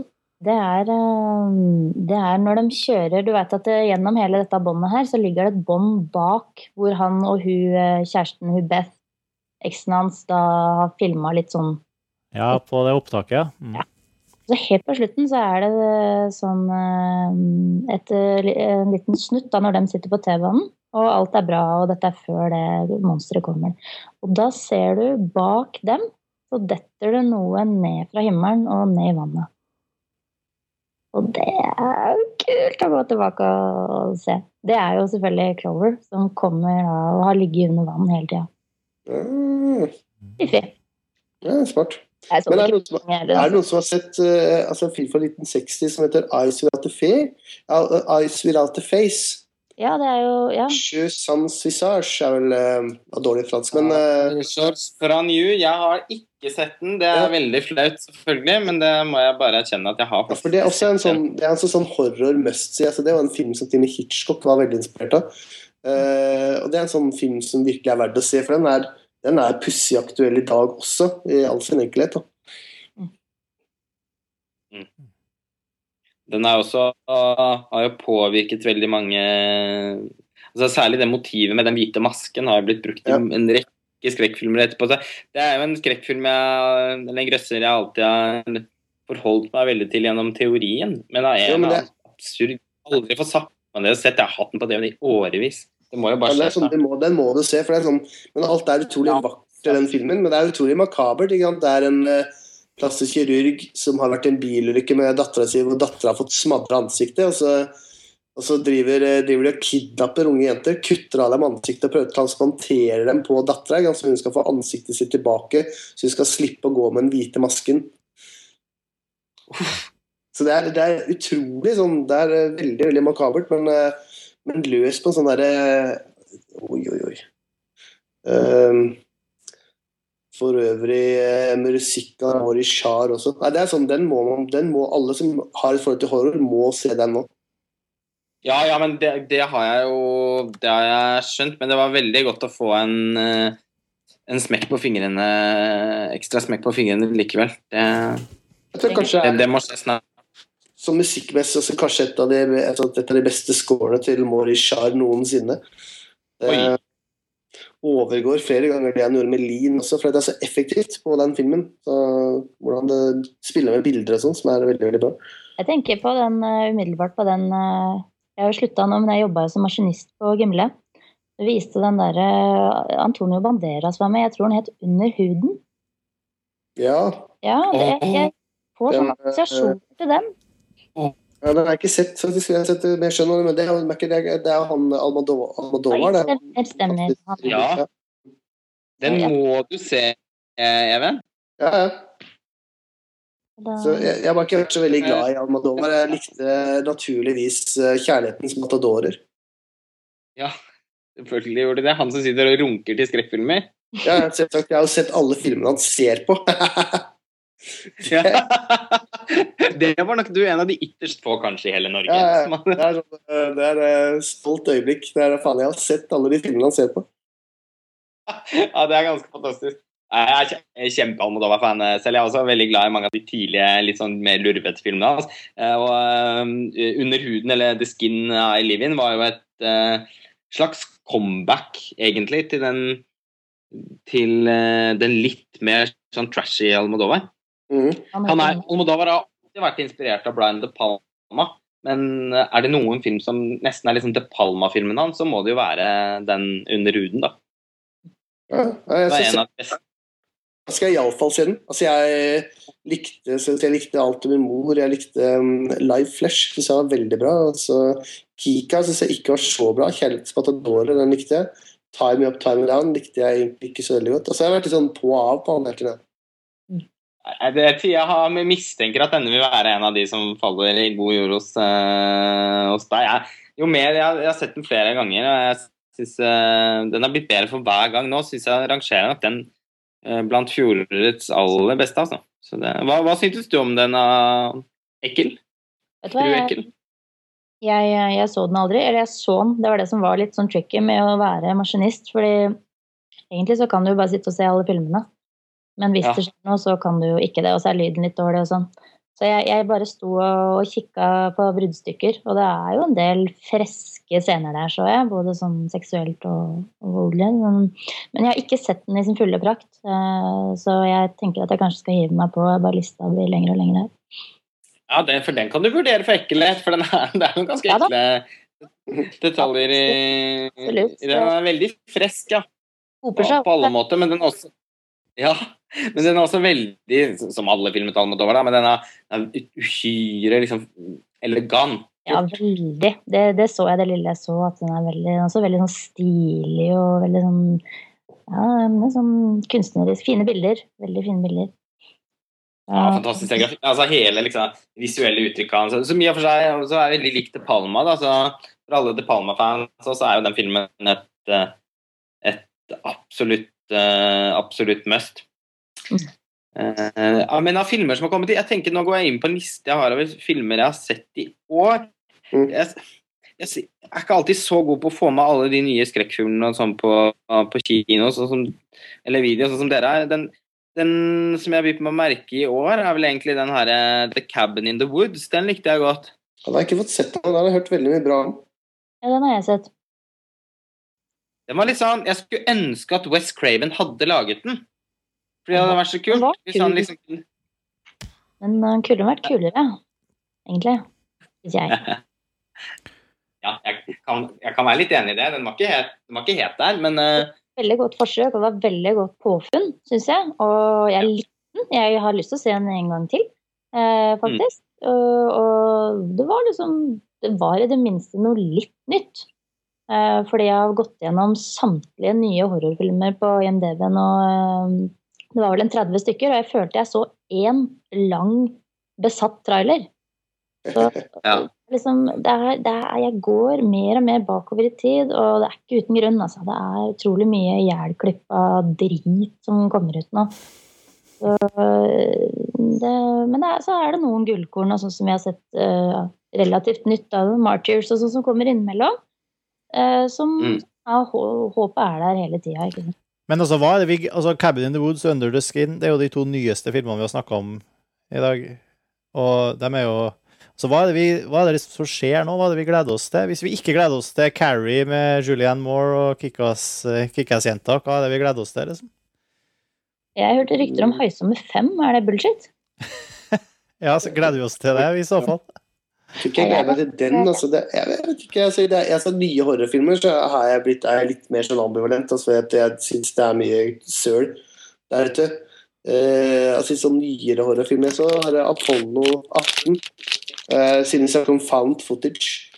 Ja. Eh, så er det, en sånn, det er en sånn film som er vellykka til tider, da. Som er ja. men, eh, men igjen så føler jeg at det er en sjanger som begynner å gå i stykker, den òg. For alt er jo found footage. Mm. Ja, med jeg har veldig Eh, den norske filmen som egentlig skulle komme nå i stad, holdt jeg på å si, den skulle komme en stund siden. Ja, norsk film har vi ikke snakka så mye om ennå. Dunderland skal jo Har Ja, Dunderland, ja. Jeg, har sett, ja. Uh, jeg så en sånn tidlig versjon av plakaten. Jeg har sett en trailer, Den ser jo ser kul ut, men det er jo norsk, da. Så. Jeg var på gjorde en sånn reportasje fra innspillingen på den filmen for et, litt over et år siden. Mm. Det var Jeg fikk en veldig sånn positive vibber av den innspillingen. Men jeg, eh, man blir jo litt sånn tankefull når postproduksjonen har tatt så lang tid. Ja. De har jo også en blogg på montasje og posta sist i april. Ja. Si at de har gått inn i en periode med stillhet og redigering. Mm. Og- Og ser på høsten 2012 som eh, lansering. Så Kanskje de har venta bare fordi sommeren ikke er sånn veldig kul, kult å legge Altså, det er jo en høstfilm. Skrekkhøstfilm. ja, Kanskje de bare ligger og lurer litt i kålen så håper det. skal ut på Euforia, står der. Så. Ja, Den skulle vel egentlig komme høsten for ett år siden, men den, men den står vel ikke på lista i høst. Det blir vel først i 2013, tror jeg. Ok. Ja, jeg tror det. Ja, nei, jeg, Jeg, det jeg kan ikke det i hvert fall. Nei, men Ja. altså, Nei, men den, den ser jeg frem til nå. Norsk horrorfilm har jo vært veldig, veldig amerikansk inspirert, da. Eh, altså med Fritt vilt og Mm. eh, Villmark og sånn som er, er jo veldig amerikanske filmer. Eh, sånn sett så savner jeg nok en sånn ordentlig norsk horrorfilm. Eh, hvor man bruker Norge og, og det vi har her, eh, og ikke bare plasserer det et eller annet sted i USA. Død snø. Vi har jo De døde stjern, da. Ja, De døde stjern er jo liksom det Det- det- ja, ja, jo, det kan du si, det, men den er veldig, den er sørgelig utdatert. da. Uh, den har, overhodet ikke klart å leve med tiden. Uh, altså, Død snø er, er ganske vakker, da. Jeg, jeg, jeg liker den filmen litt, jeg, faktisk. Eh, De døde stjern. Men jeg, jeg skjønner hva du mener med at den er utdatert, da. Jeg syns ikke den er utdatert i det hele tatt. Jeg syns den kanskje er bare blitt bedre. Det er sånn fin vin. Det funker på alle måter, bortsett fra kanskje den derre 'Norsken som er vi prater sånn'. Uh, ja, Ja, det, er- høyde med, med mye av hvert fall sånn spøkelsesfilmer jeg har sett. Den er dritskummel, og den funker, altså. Enkle virkemidler. Ja, ja. For jeg også har Ja, de gangene jeg har sett den, så har jeg hatt en veldig sånn positiv eh, opplevelse av den hver gang. En ting er at jeg syns den er fryktelig vakker. da. Eh, Sånn, den er så nydelig fotografert, og måten de bruker naturen på, sånn foruro- foruroligende stemningen som de klarer å mane fram av de inni skogen der, er veldig Syns jeg er veldig effektiv. Men, eh, men ja, den har noe sånn den, I likhet med flere andre filmer fra den perioden, altså The Innocent for eksempel, da, Mm. Og. Clayton. Ja, det er, den er bedre enn De døde Det kan du trygt si. Den er jo stambra. Ikke sant? Men si meg Ja, Oi, oi, oi. Jeg syns til jeg til og med den uh, nyere versjonen The Others også er, eh, er Ja, veldig er eh, effektiv. Også. Veldig kul. Men. Ja. The Turn of the Screw er jo liksom Jeg så The Turn of the Screw, merkelig tittel, her om dagen. Og det skulle jo på en måte liksom være forgjengeren igjen til The Innocence. Eller kan det ha vært omvendt? Turner Screw er jo, er jo eh, novellen eller romanen som Dinnesens er basert på. Ja, ok. Ja, for det, det jeg så nemlig en Det er lagd tre versjoner av den Turn Screw. Ja. Eh, jeg så vel kanskje den dårligste, tror jeg. Som var filma for TV, og som var lagd i 19, nei, 2009. Å, fy da. Men det er det samme konseptet, altså, med to barn og Ja. Med Men The Others, the others eh, og, og The Innocents er sånn Det er, sånn, det er klasse, altså. Ja, det er bra. Jeg er veldig glad for at du trekker fra I Innocents så er jeg veldig innforstått som en, eh, som en klassik, sjangerklassiker. Jeg skriver under på alt du sier om den. Eh, men jeg er veldig glad for at du trekker fram The Others. Fordi eh, det er en av mine klart, helt klart en av mine favoritter fra de senere årene. Da. Jeg syns den er veldig skummel og veldig vakkert gjort. Igjen også en veldig vakker skrekkfilm. Mm. Veldig ekkeløst. Veldig utrolig. Men den er, altså. den er ekkel. Skummel. Bra skummel. Den er Veldig skummel. Ja, den er, og den er sånn som å se inn i et sånn gammelt, uhyggelig kobberstikk, syns jeg. Mm. Har en sånn Ja. Uh, ja, nei, den er kjempeskummel. Jeg, jeg syns også den barnehjemmet til Bayonna var veldig skummel. Hva var det? Barnehjemmet The Orphanage. Og the Orphanage. Ja. Ja, ja, den er, ja, den er fin sak. Veldig fin. Ja. Flott film. Ja, Flott. ja, veldig bra. Men veldig skummel òg, syns jeg. Men The Others er bedre, syns jeg, enn The Openers. For The Openers Ja, ja, ja. er litt, litt, litt Ja. mye rør på slutten. Litt, bare bitte litt mye rør, syns jeg. En film, ja, altså en film også som, eh, som er bra veldig lenge, er eh, Insidious. Det er det at jeg har jeg Eh, jo, altså det er en film altså Jeg, altså jeg har, en sånn uh, lokal videoshoppe her, der, eh, der legger vi ut Blu-rays, og så betaler du 200 kroner, så får du fem Da bare river jeg med. Og Insidious var en av de som jeg bare rei med. Uh, Regissert av Jebs Wan, som for øvrig lagde Så. Så? Ja, men Insidious er noe helt annet. Men sånn, den, den er veldig kul veldig lenge, og så altså, bare bryter det sånn totalkollaps på slutten. Men, uh, men den er verdt å se fram til totalkollapsen. Uh, virkelig. Det er veldig, veldig Ikke les noe om den, bare sett den på og se den, for det gjorde jeg. da. Det var sånn wow. Det må jeg si. Men da vil jeg gjerne anbefale en film til dere som jeg ikke skal si noe om, og som jeg vil at dere skal se. Og det er The Uninvited Guest. The Uninvited Ta og Noter den, og så bare sett den på. Jeg vil ikke si noe om den, men jeg fikk en jævlig kul opplevelse. Fra 2004. Den er, eh, den er eh, spansk, tror jeg. El Habitante Incerto. Stemmer det. Den eh, vil jeg gjerne er eh, serien. her. Han Juan Carlos Fresnadillo òg har jo noe greier på gang. Jeg var jo kjempeimponert over den derre oppfølgeren hans til uh, 28 Days Later. 28 Weeks Later. Jeg syns faktisk den er Den er, bedre enn eh, ekstremt mye bedre enn 28 Days Later, faktisk. Weeks, altså. Ja, bedre. ja, helt De første, Ja, er- de første ti minuttene der er, eh, det er sånn, det er, De første ti minuttene er sånn excess. Zombie-ekte. helt fantastisk. Bare, og når han tar kameraet, bare kjører utover den enga mens Robert Carlyle løper for livet ut i den motorbåten og massakrerer zombiehodene med båtmotoren. Eh, og Nei, men den er Ja, ja og jeg syns den er faktisk helt overlegen originalen. Det er det veldig få som syns. Da, så det var morsomt at du var enig i det. Ja, ja, det var, jeg, for jeg kjøpte den så Å, herregud, skal en til av den, akkurat sånn 20 Days Later var ikke så sinnssykt bra. Og så så jeg den sånn, wow, wow, jo, jo, jo. Ja, ja, ja. Den er, det kjem- jeg har ikke fått Jeg begynte å se sist jeg uh, For et par helger siden så begynte jeg å se den The Interrupters. Uh, som er den nye filmen hans. Ja. Uh, med Clive Owen. Ja, den, den tror jeg jeg skal komme i dag. Eller gjør jeg ikke det? skal, skal vi se Interrupt- eh, Nei, men den, den heter jo ikke Interrupt... Intruders heter den. Intruders Intruders. Det hørtes kjent ut. Ja. fra 2000 Ja, du, Ja, den fra, som kommer i år, ja. Er den? Nei, ja den- nettopp kommet ja.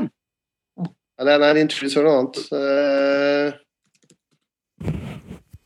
Nå må jeg lete litt her. Men den, eh, jeg, jeg fikk ikke sett mer enn halvparten, så jeg kan jo ikke uttale og, så- og nå må jeg selvfølgelig begynne på nytt hvis jeg skal få sett den, men den var den var ganske lovende, egentlig. Hørt veldig mye pent om den første filmen hans også, Intakto, men den har jeg ikke sett. Intacto er bra. Eh, Det er sånn Ja, men- eh, er sånn liten sånn uh, Hva skal man si? Hidden gem, nesten. Mm. Ja, jeg, for den har jeg fått Den har også kjøpt på DVD, men jeg har ikke fått sett den, sett den ennå. Men, de, men jeg har sett debutfilmen til Amenabar, da, som vel også må nesten synes å være en slags horrorfilm. Den, Den eh, si, den eh, Intruder sto jeg med i hånda i dag og vurderte å kjøpe den, men så eh, hadde jeg litt dårlig tid, så jeg fikk ikke gjort det. Men da skal jeg løpe ned og kjøpe den for nesten Nei. i morgen.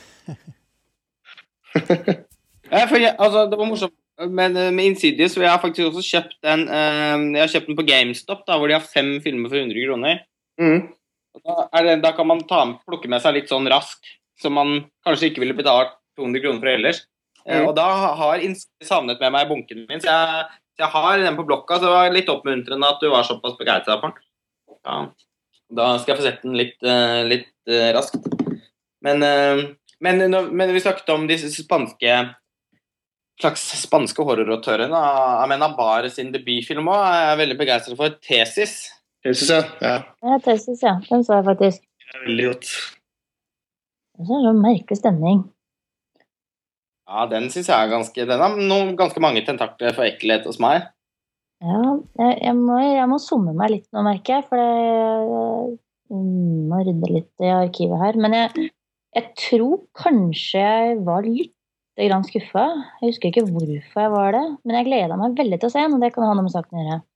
At jeg, lagde, jeg hadde litt uh, høye forhåpninger. Men, men var, jeg syns husk at den hadde veldig sånn creepy stemning. Og veldig sånn, sånn spesiell stemning.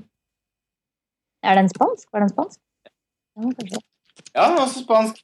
Eh, og den har jo sånn derre snøff-filmelement. Det syns jeg alltid er veldig Og snøff-filmmotiv. Det syns jeg alltid er veldig ekkelt. Det er også grunnen til at vi var jo, vi fikk jo ikke på langt Nei, nå må vi jo snart runde her, det begynner å bli veldig, veldig langt. Men uh, men uh, når vi var inne på David Cronenberg i stad, som vi egentlig skulle, burde sagt mye mer om uh, Jeg er veldig fan av, av, han, da, og Videodrome er jo den filmen av ja. David Cronenberg som jeg ville trukket som den både kanskje som den beste, men ikke i hvert fall som den vemmeligste. Mm. De snøff-filmsekvensene i Videodrome er nok noe av det mest gåsehudfremkallende jeg har sett med hun asiatiske jenta som blir slått på med sånne pisker av mm. Sånne maskerte menn i en sånn guleaktig rom. Mm. Jeg, jeg, jeg, jeg, ble aldri helt uh, den, den, samme etter å ha sett en uh, Life and Death of a Porno Gang, som jeg også har anmeldt, uh, som er serbisk. Altså Serbia har jo gått ganske mye lenger enn de fleste de siste ti åra eller fem åra har de begynt å tyte ut. Så, og da er det jo da er det virkelig snøff. Da er det en sånn revygruppe, og de trenger så sårt penger, for de er jo rusmisbrukere hele gjengen. Så de allierer seg jo med en uh, rik jævel som betaler dem jeg tror det er rundt 100 000 for å ta opp folk som dreper seg på film, da. Og da Jeg husker en scene, og jeg ble ordentlig uvel. Det er og disse menneskene som dreper seg på film, de vil drepe seg. Og det gjør nesten saken bare verre. Fordi han ene som sitter der, han skal, liksom, han skal jo rett og slett ta livet av seg sjøl. Og du ser at han liksom knoter litt og kåler litt og skjærer litt feil og sånn. Og, og, det at de kameramenneskene som filmer Dette er jo også litt sånn filma som en slags dokumentar i en dokumentar, på en måte. Så de som filmer, blir jo også helt fra seg og uvel. Og da blir det liksom bare enda verre. Fordi du står liksom bak ett kamera, og så ett kamera til, og Nei, ja. Life and Death var pornogang, og Serbia generelt. Jeg tenker på Serbian film også. Det er ja, Det er den eneste jeg har sett. Den syns jeg var veldig dårlig, men den var jo fæl, da. Jeg har sett Altså, verre. Det er det, det Jeg vet liksom ikke helt hva jeg skal Hvilket ord jeg skal bruke, men A Serbian film er ikke det verste. De sa jo det var den, eh, den filmen som er blitt Det har vært ti år siden en film har blitt eh, så hardt banna. I Norge, blant annet. Jeg, mm. jeg fikk jo bare jeg, eh, Hvordan fikk jeg tak i den, da? Jeg fikk tak i en sånn helt skeiv kopi med sånn skrift oppi hjørnet. da. Jeg skulle se den, ikke sant? Der har du det. Ikke mm. se den. Jo, jeg må. Så, men det er eh, Ja, jeg har voldtekt av et foster og ditt og datt, men jeg har sett uh, verre filmer, og det er litt som du sier, Lars, for meg også. Det psykologiske tar meg hver gang sterkere enn det veldig voldelige og, og blodige og gørrete. Ja, det blir som regel med det, altså, i hvert fall eh, for min del òg. Mm. Eh, men det vil ikke si det samme som jeg har ofte veldig stor glede av blodsutgytelse og slash. Da. Altså, herregud, ikke, er, vi, vi, nå må vi jo slutte. Nei, men altså, vi har ikke nå, Rønna, men vi har ikke snakket om George Aromero, for eksempel. Da, som er, ja, sant, ja. Selv om, altså, Romero, Romero, er jo på en måte kanskje interessant pga. én film, da, primært. da. Uh, og så kan man på en måte diskutere filmer som f.eks. Martin også, som er, men han, han har gjort han har gjort så mye skrullete filmer, uh, George Romero. Uh, som gjør at, at han får en sånn brokete filmografi. Nå holder han på å lage zombiefilmer igjen. Men han, uh, han som fant opp zombiesjangeren, mer eller mindre? Nei, nei? Altså, ikke. Det var vel uh, egentlig en som heter uh, Herc Harley. Uh, Carnival Souls. Okay. Fordi hvis du ser på hvordan, spesielt hvordan zombiene er i, i Night of Living Dead, så, så, vil jeg si at jeg tror nok Romero så Carnival Souls, selv om det på en måte ikke er en zombiefilm. Men den er verdt å se. Den, den tror jeg inspirerte Romero veldig. Man kan godt se på Carnival Souls som den første zombiefilmen. Mm. vi lagde bare den ene filmen. Men, eh, men, han har jo laget eh, Jeg er også enig George, de, Jeg så et par av de senere zombiefilmene til Romero og syntes jeg var helt ikke nesten var til å se på engang. Det var så altså, dårlig. Land of the Dead. Men de er veldig glad i den originale trilogien, da, særlig Dawn of the Dead. Synes jeg, ja, Dawn er det meste, syns jeg. Ja, jeg Men også svart Martin. Ja, Martin har et eller annet for seg. Men det, det er på ikke det, det, blir sånn Det er sånn hybridfilm, for det er jo på en måte kanskje litt et drama. Altså Ja, den er det. Uh, det er ikke en sånn renskåret horrorfilm. Veldig, veldig kul idé, da. Uh, så lagde han en forferdelig kjele, en 'Season of the Witch'. Uh, ja, ikke er utrolig kjedelig. Sånne endeløse, lange monologer om, om trivia. Altså, det er sånn en slags husmorfilm, nesten, det. Uh, uh, Husmorshorror? Ja. Um, Nei, den gidder vi ikke. Sånn vekk. ok. Skal vi, skal vi, gi oss der, eh, folkens? Ja. Det, skal vi sette strek? Vi kan, tror vi kan holde på i mange timer til, men eh, flere må Vi, vi må lære oss. Jeg, jeg tror vi skal på denne podkasten nå. Ja. Mm. Det var uansett vært uh, kjempekult å, å få, få, et lite dypdykk i, i horrorvennen der. Og hvis man sitter her med notisblokker og nettbutikker foran seg, så tror jeg man kan finne mange nye titler i episoden her. Som jeg har i hvert fall sittet og notert litt for meg sjøl. Mm -hmm. Eller så kommer det flere på ekkelt etter hvert. Det gjør det. Everyone. Fru, Ek Fru Ekkel, vi, vi finner deg, som du sier, på, på ekkelt.montasj.no. Hva er din neste film? Eh? Det er eh, danske siste time. Kommer nå rett rundt hjørnet. En eh, dansk godbit som eh, jeg vet ikke om mm. eh, Ja, veldig, veldig kul. Uh, veldig glad. Uh, jeg har danske slektninger, så jeg så den uten tekst. Og bare det er jo Burde nesten fått applaus. Så Men det kommer siste timen nå rett rundt hjørnet, så følg med.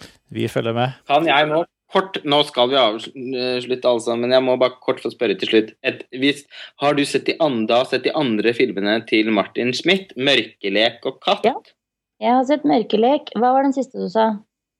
'Katt'. Den har jeg ikke sett. Nei, men du har sett 'Mørkelek'.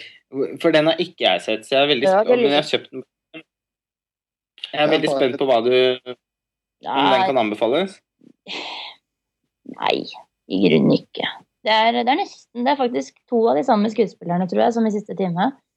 Uh, I hvert fall han derre høye Kenneth som alltid er sur. Han er den derre karakteren som alltid er sur, som dør sånn and. Um, så, and? Det likte jeg uttrykket der. Han dør and, for han er sur. Og, og breial. Men, eh, men han, den, den, er ikke på langt nær på høyde med f.eks. Sånn Nattevakten og Siste time. Men Nattevakten vil jeg, komme jeg på nå, og den må fortjenes og nevnes her. Nattevakten, den danske, er jo en av de beste thrillerne jeg har sett. Den er fin, ja. Fantastisk. Jeg har ikke ja, sett den, men uh, det måtte bare fram. Men nå kan dere få prate, og ha det. Yes. Og Even Benestad, du er selvfølgelig på even.montasj.no. Du har også en ny film på gang, har du ikke? Ja, Klubb 7. Ja, Hvor er den i løypa? Det er, eh, vi holder på å filme nå. Vi, eh, vi, har eh, ja, denne uka og forrige uke og neste uke er sånn intense opptaksuker. Så det er ikke så mye horror i den, dessverre. Men, men jeg tror den blir fin. Det er en dokumentar som handler om handler om uh, utestedet Klubb 7. Mm. Som vel er kanskje den største kultureksplosjonen i Norge noensinne. Man kan vel godt si at 60-tallet kom til Norge gjennom Klubb 7. Det var Studio 54? Ja, nei, ja, mye mer enn det. Uh, mye, mye mer. Altså, det var så mye. Altså, det var jo altså, soulmusikk, visemusikk, uh, teater, uh, Eh, altså det var dette her med På, på 60-tallet så hadde man noe stipstvang og konkubinlover, og alt var ganske kjørt. Eh, og så kom, eh, kom Klubbsju, som en sånn revolusjon. Da. Det var vel også det første stedet hvor menn kunne danse med menn i Norge. Eh, så, så det er, eh, er interessant. Og eh, Jan Garbarek ikke sant, ble til der. eh, Så veldig mye norske musikere ble jo til på Klubbsju. Så det er svært. Hmm. Og hadde også internasjonalt renommé. Også. Så, så stjernene kom jo til Klubbsju og kom tilbake igjen. ikke sant? Så, så det er eh, og dessverre eh, bare en anekdote i Oslo bys historie. Så, så vi skal gjøre den anekdoten litt større, da. Mm, Kult. Det blir bra. Mm. Og Det gleder vi oss til. Det gleder oss veldig til. Og Lars Ole, du skriver jevnlig på montasj.no, selvfølgelig. Uh, Ja da, det er, eh, eh, veldig ofte. Det var en som røyk ut, var det ikke? ja, nå mista vi Kristin. Vi må ta henne inn igjen, så vi får sagt ha det. Hun ga- Hun ikke mer? Nei, det var nok nå. Nå var Eh, det nok. Nå var det nok. Nei, ikke si der kommer jeg tilbake. Jo, ellers, vi, eh, mens vi får inn Kristin her, vil gjerne si tusen takk til Terje, som sendte oss mail og foreslo nett, hvor han foreslo nettopp at vi skulle ta en sånn horrorepisode som vi her hadde, og invitere fru Freckles. Og tusen takk til Terje. Og eh, vi- tar veldig gjerne imot sånne innspill på, på e-post. Filmfrelst at montasj.no. Og bruk også gjerne kommentarfeltet flittig for å komme med deres eh, skrekkfilmfavoritter, eller ut, utdype noen av temaene vi har vært innom i kveld. Eh, og Så med det, så, håper vi at hadde vært kult hvis en av dere, en av enten Neven eller uh, fru Ekkelt også, må jo veldig gjerne komme tilbake på Filmfrelst uh, ved noen andre anledninger. Eller neste gang det kommer en aktuell skrekkfilm på kino som det kan være interessant å snakke om, så kan vi jo gjenta denne seansen. Det Det er er kult. Det er kult. Jeg er klar. Da er vi klar. Yes. Kjempebra. Veldig bra. Takk, takk for i kveld, folkens. Ha det. Ok, ha det bra. Hei. Takk.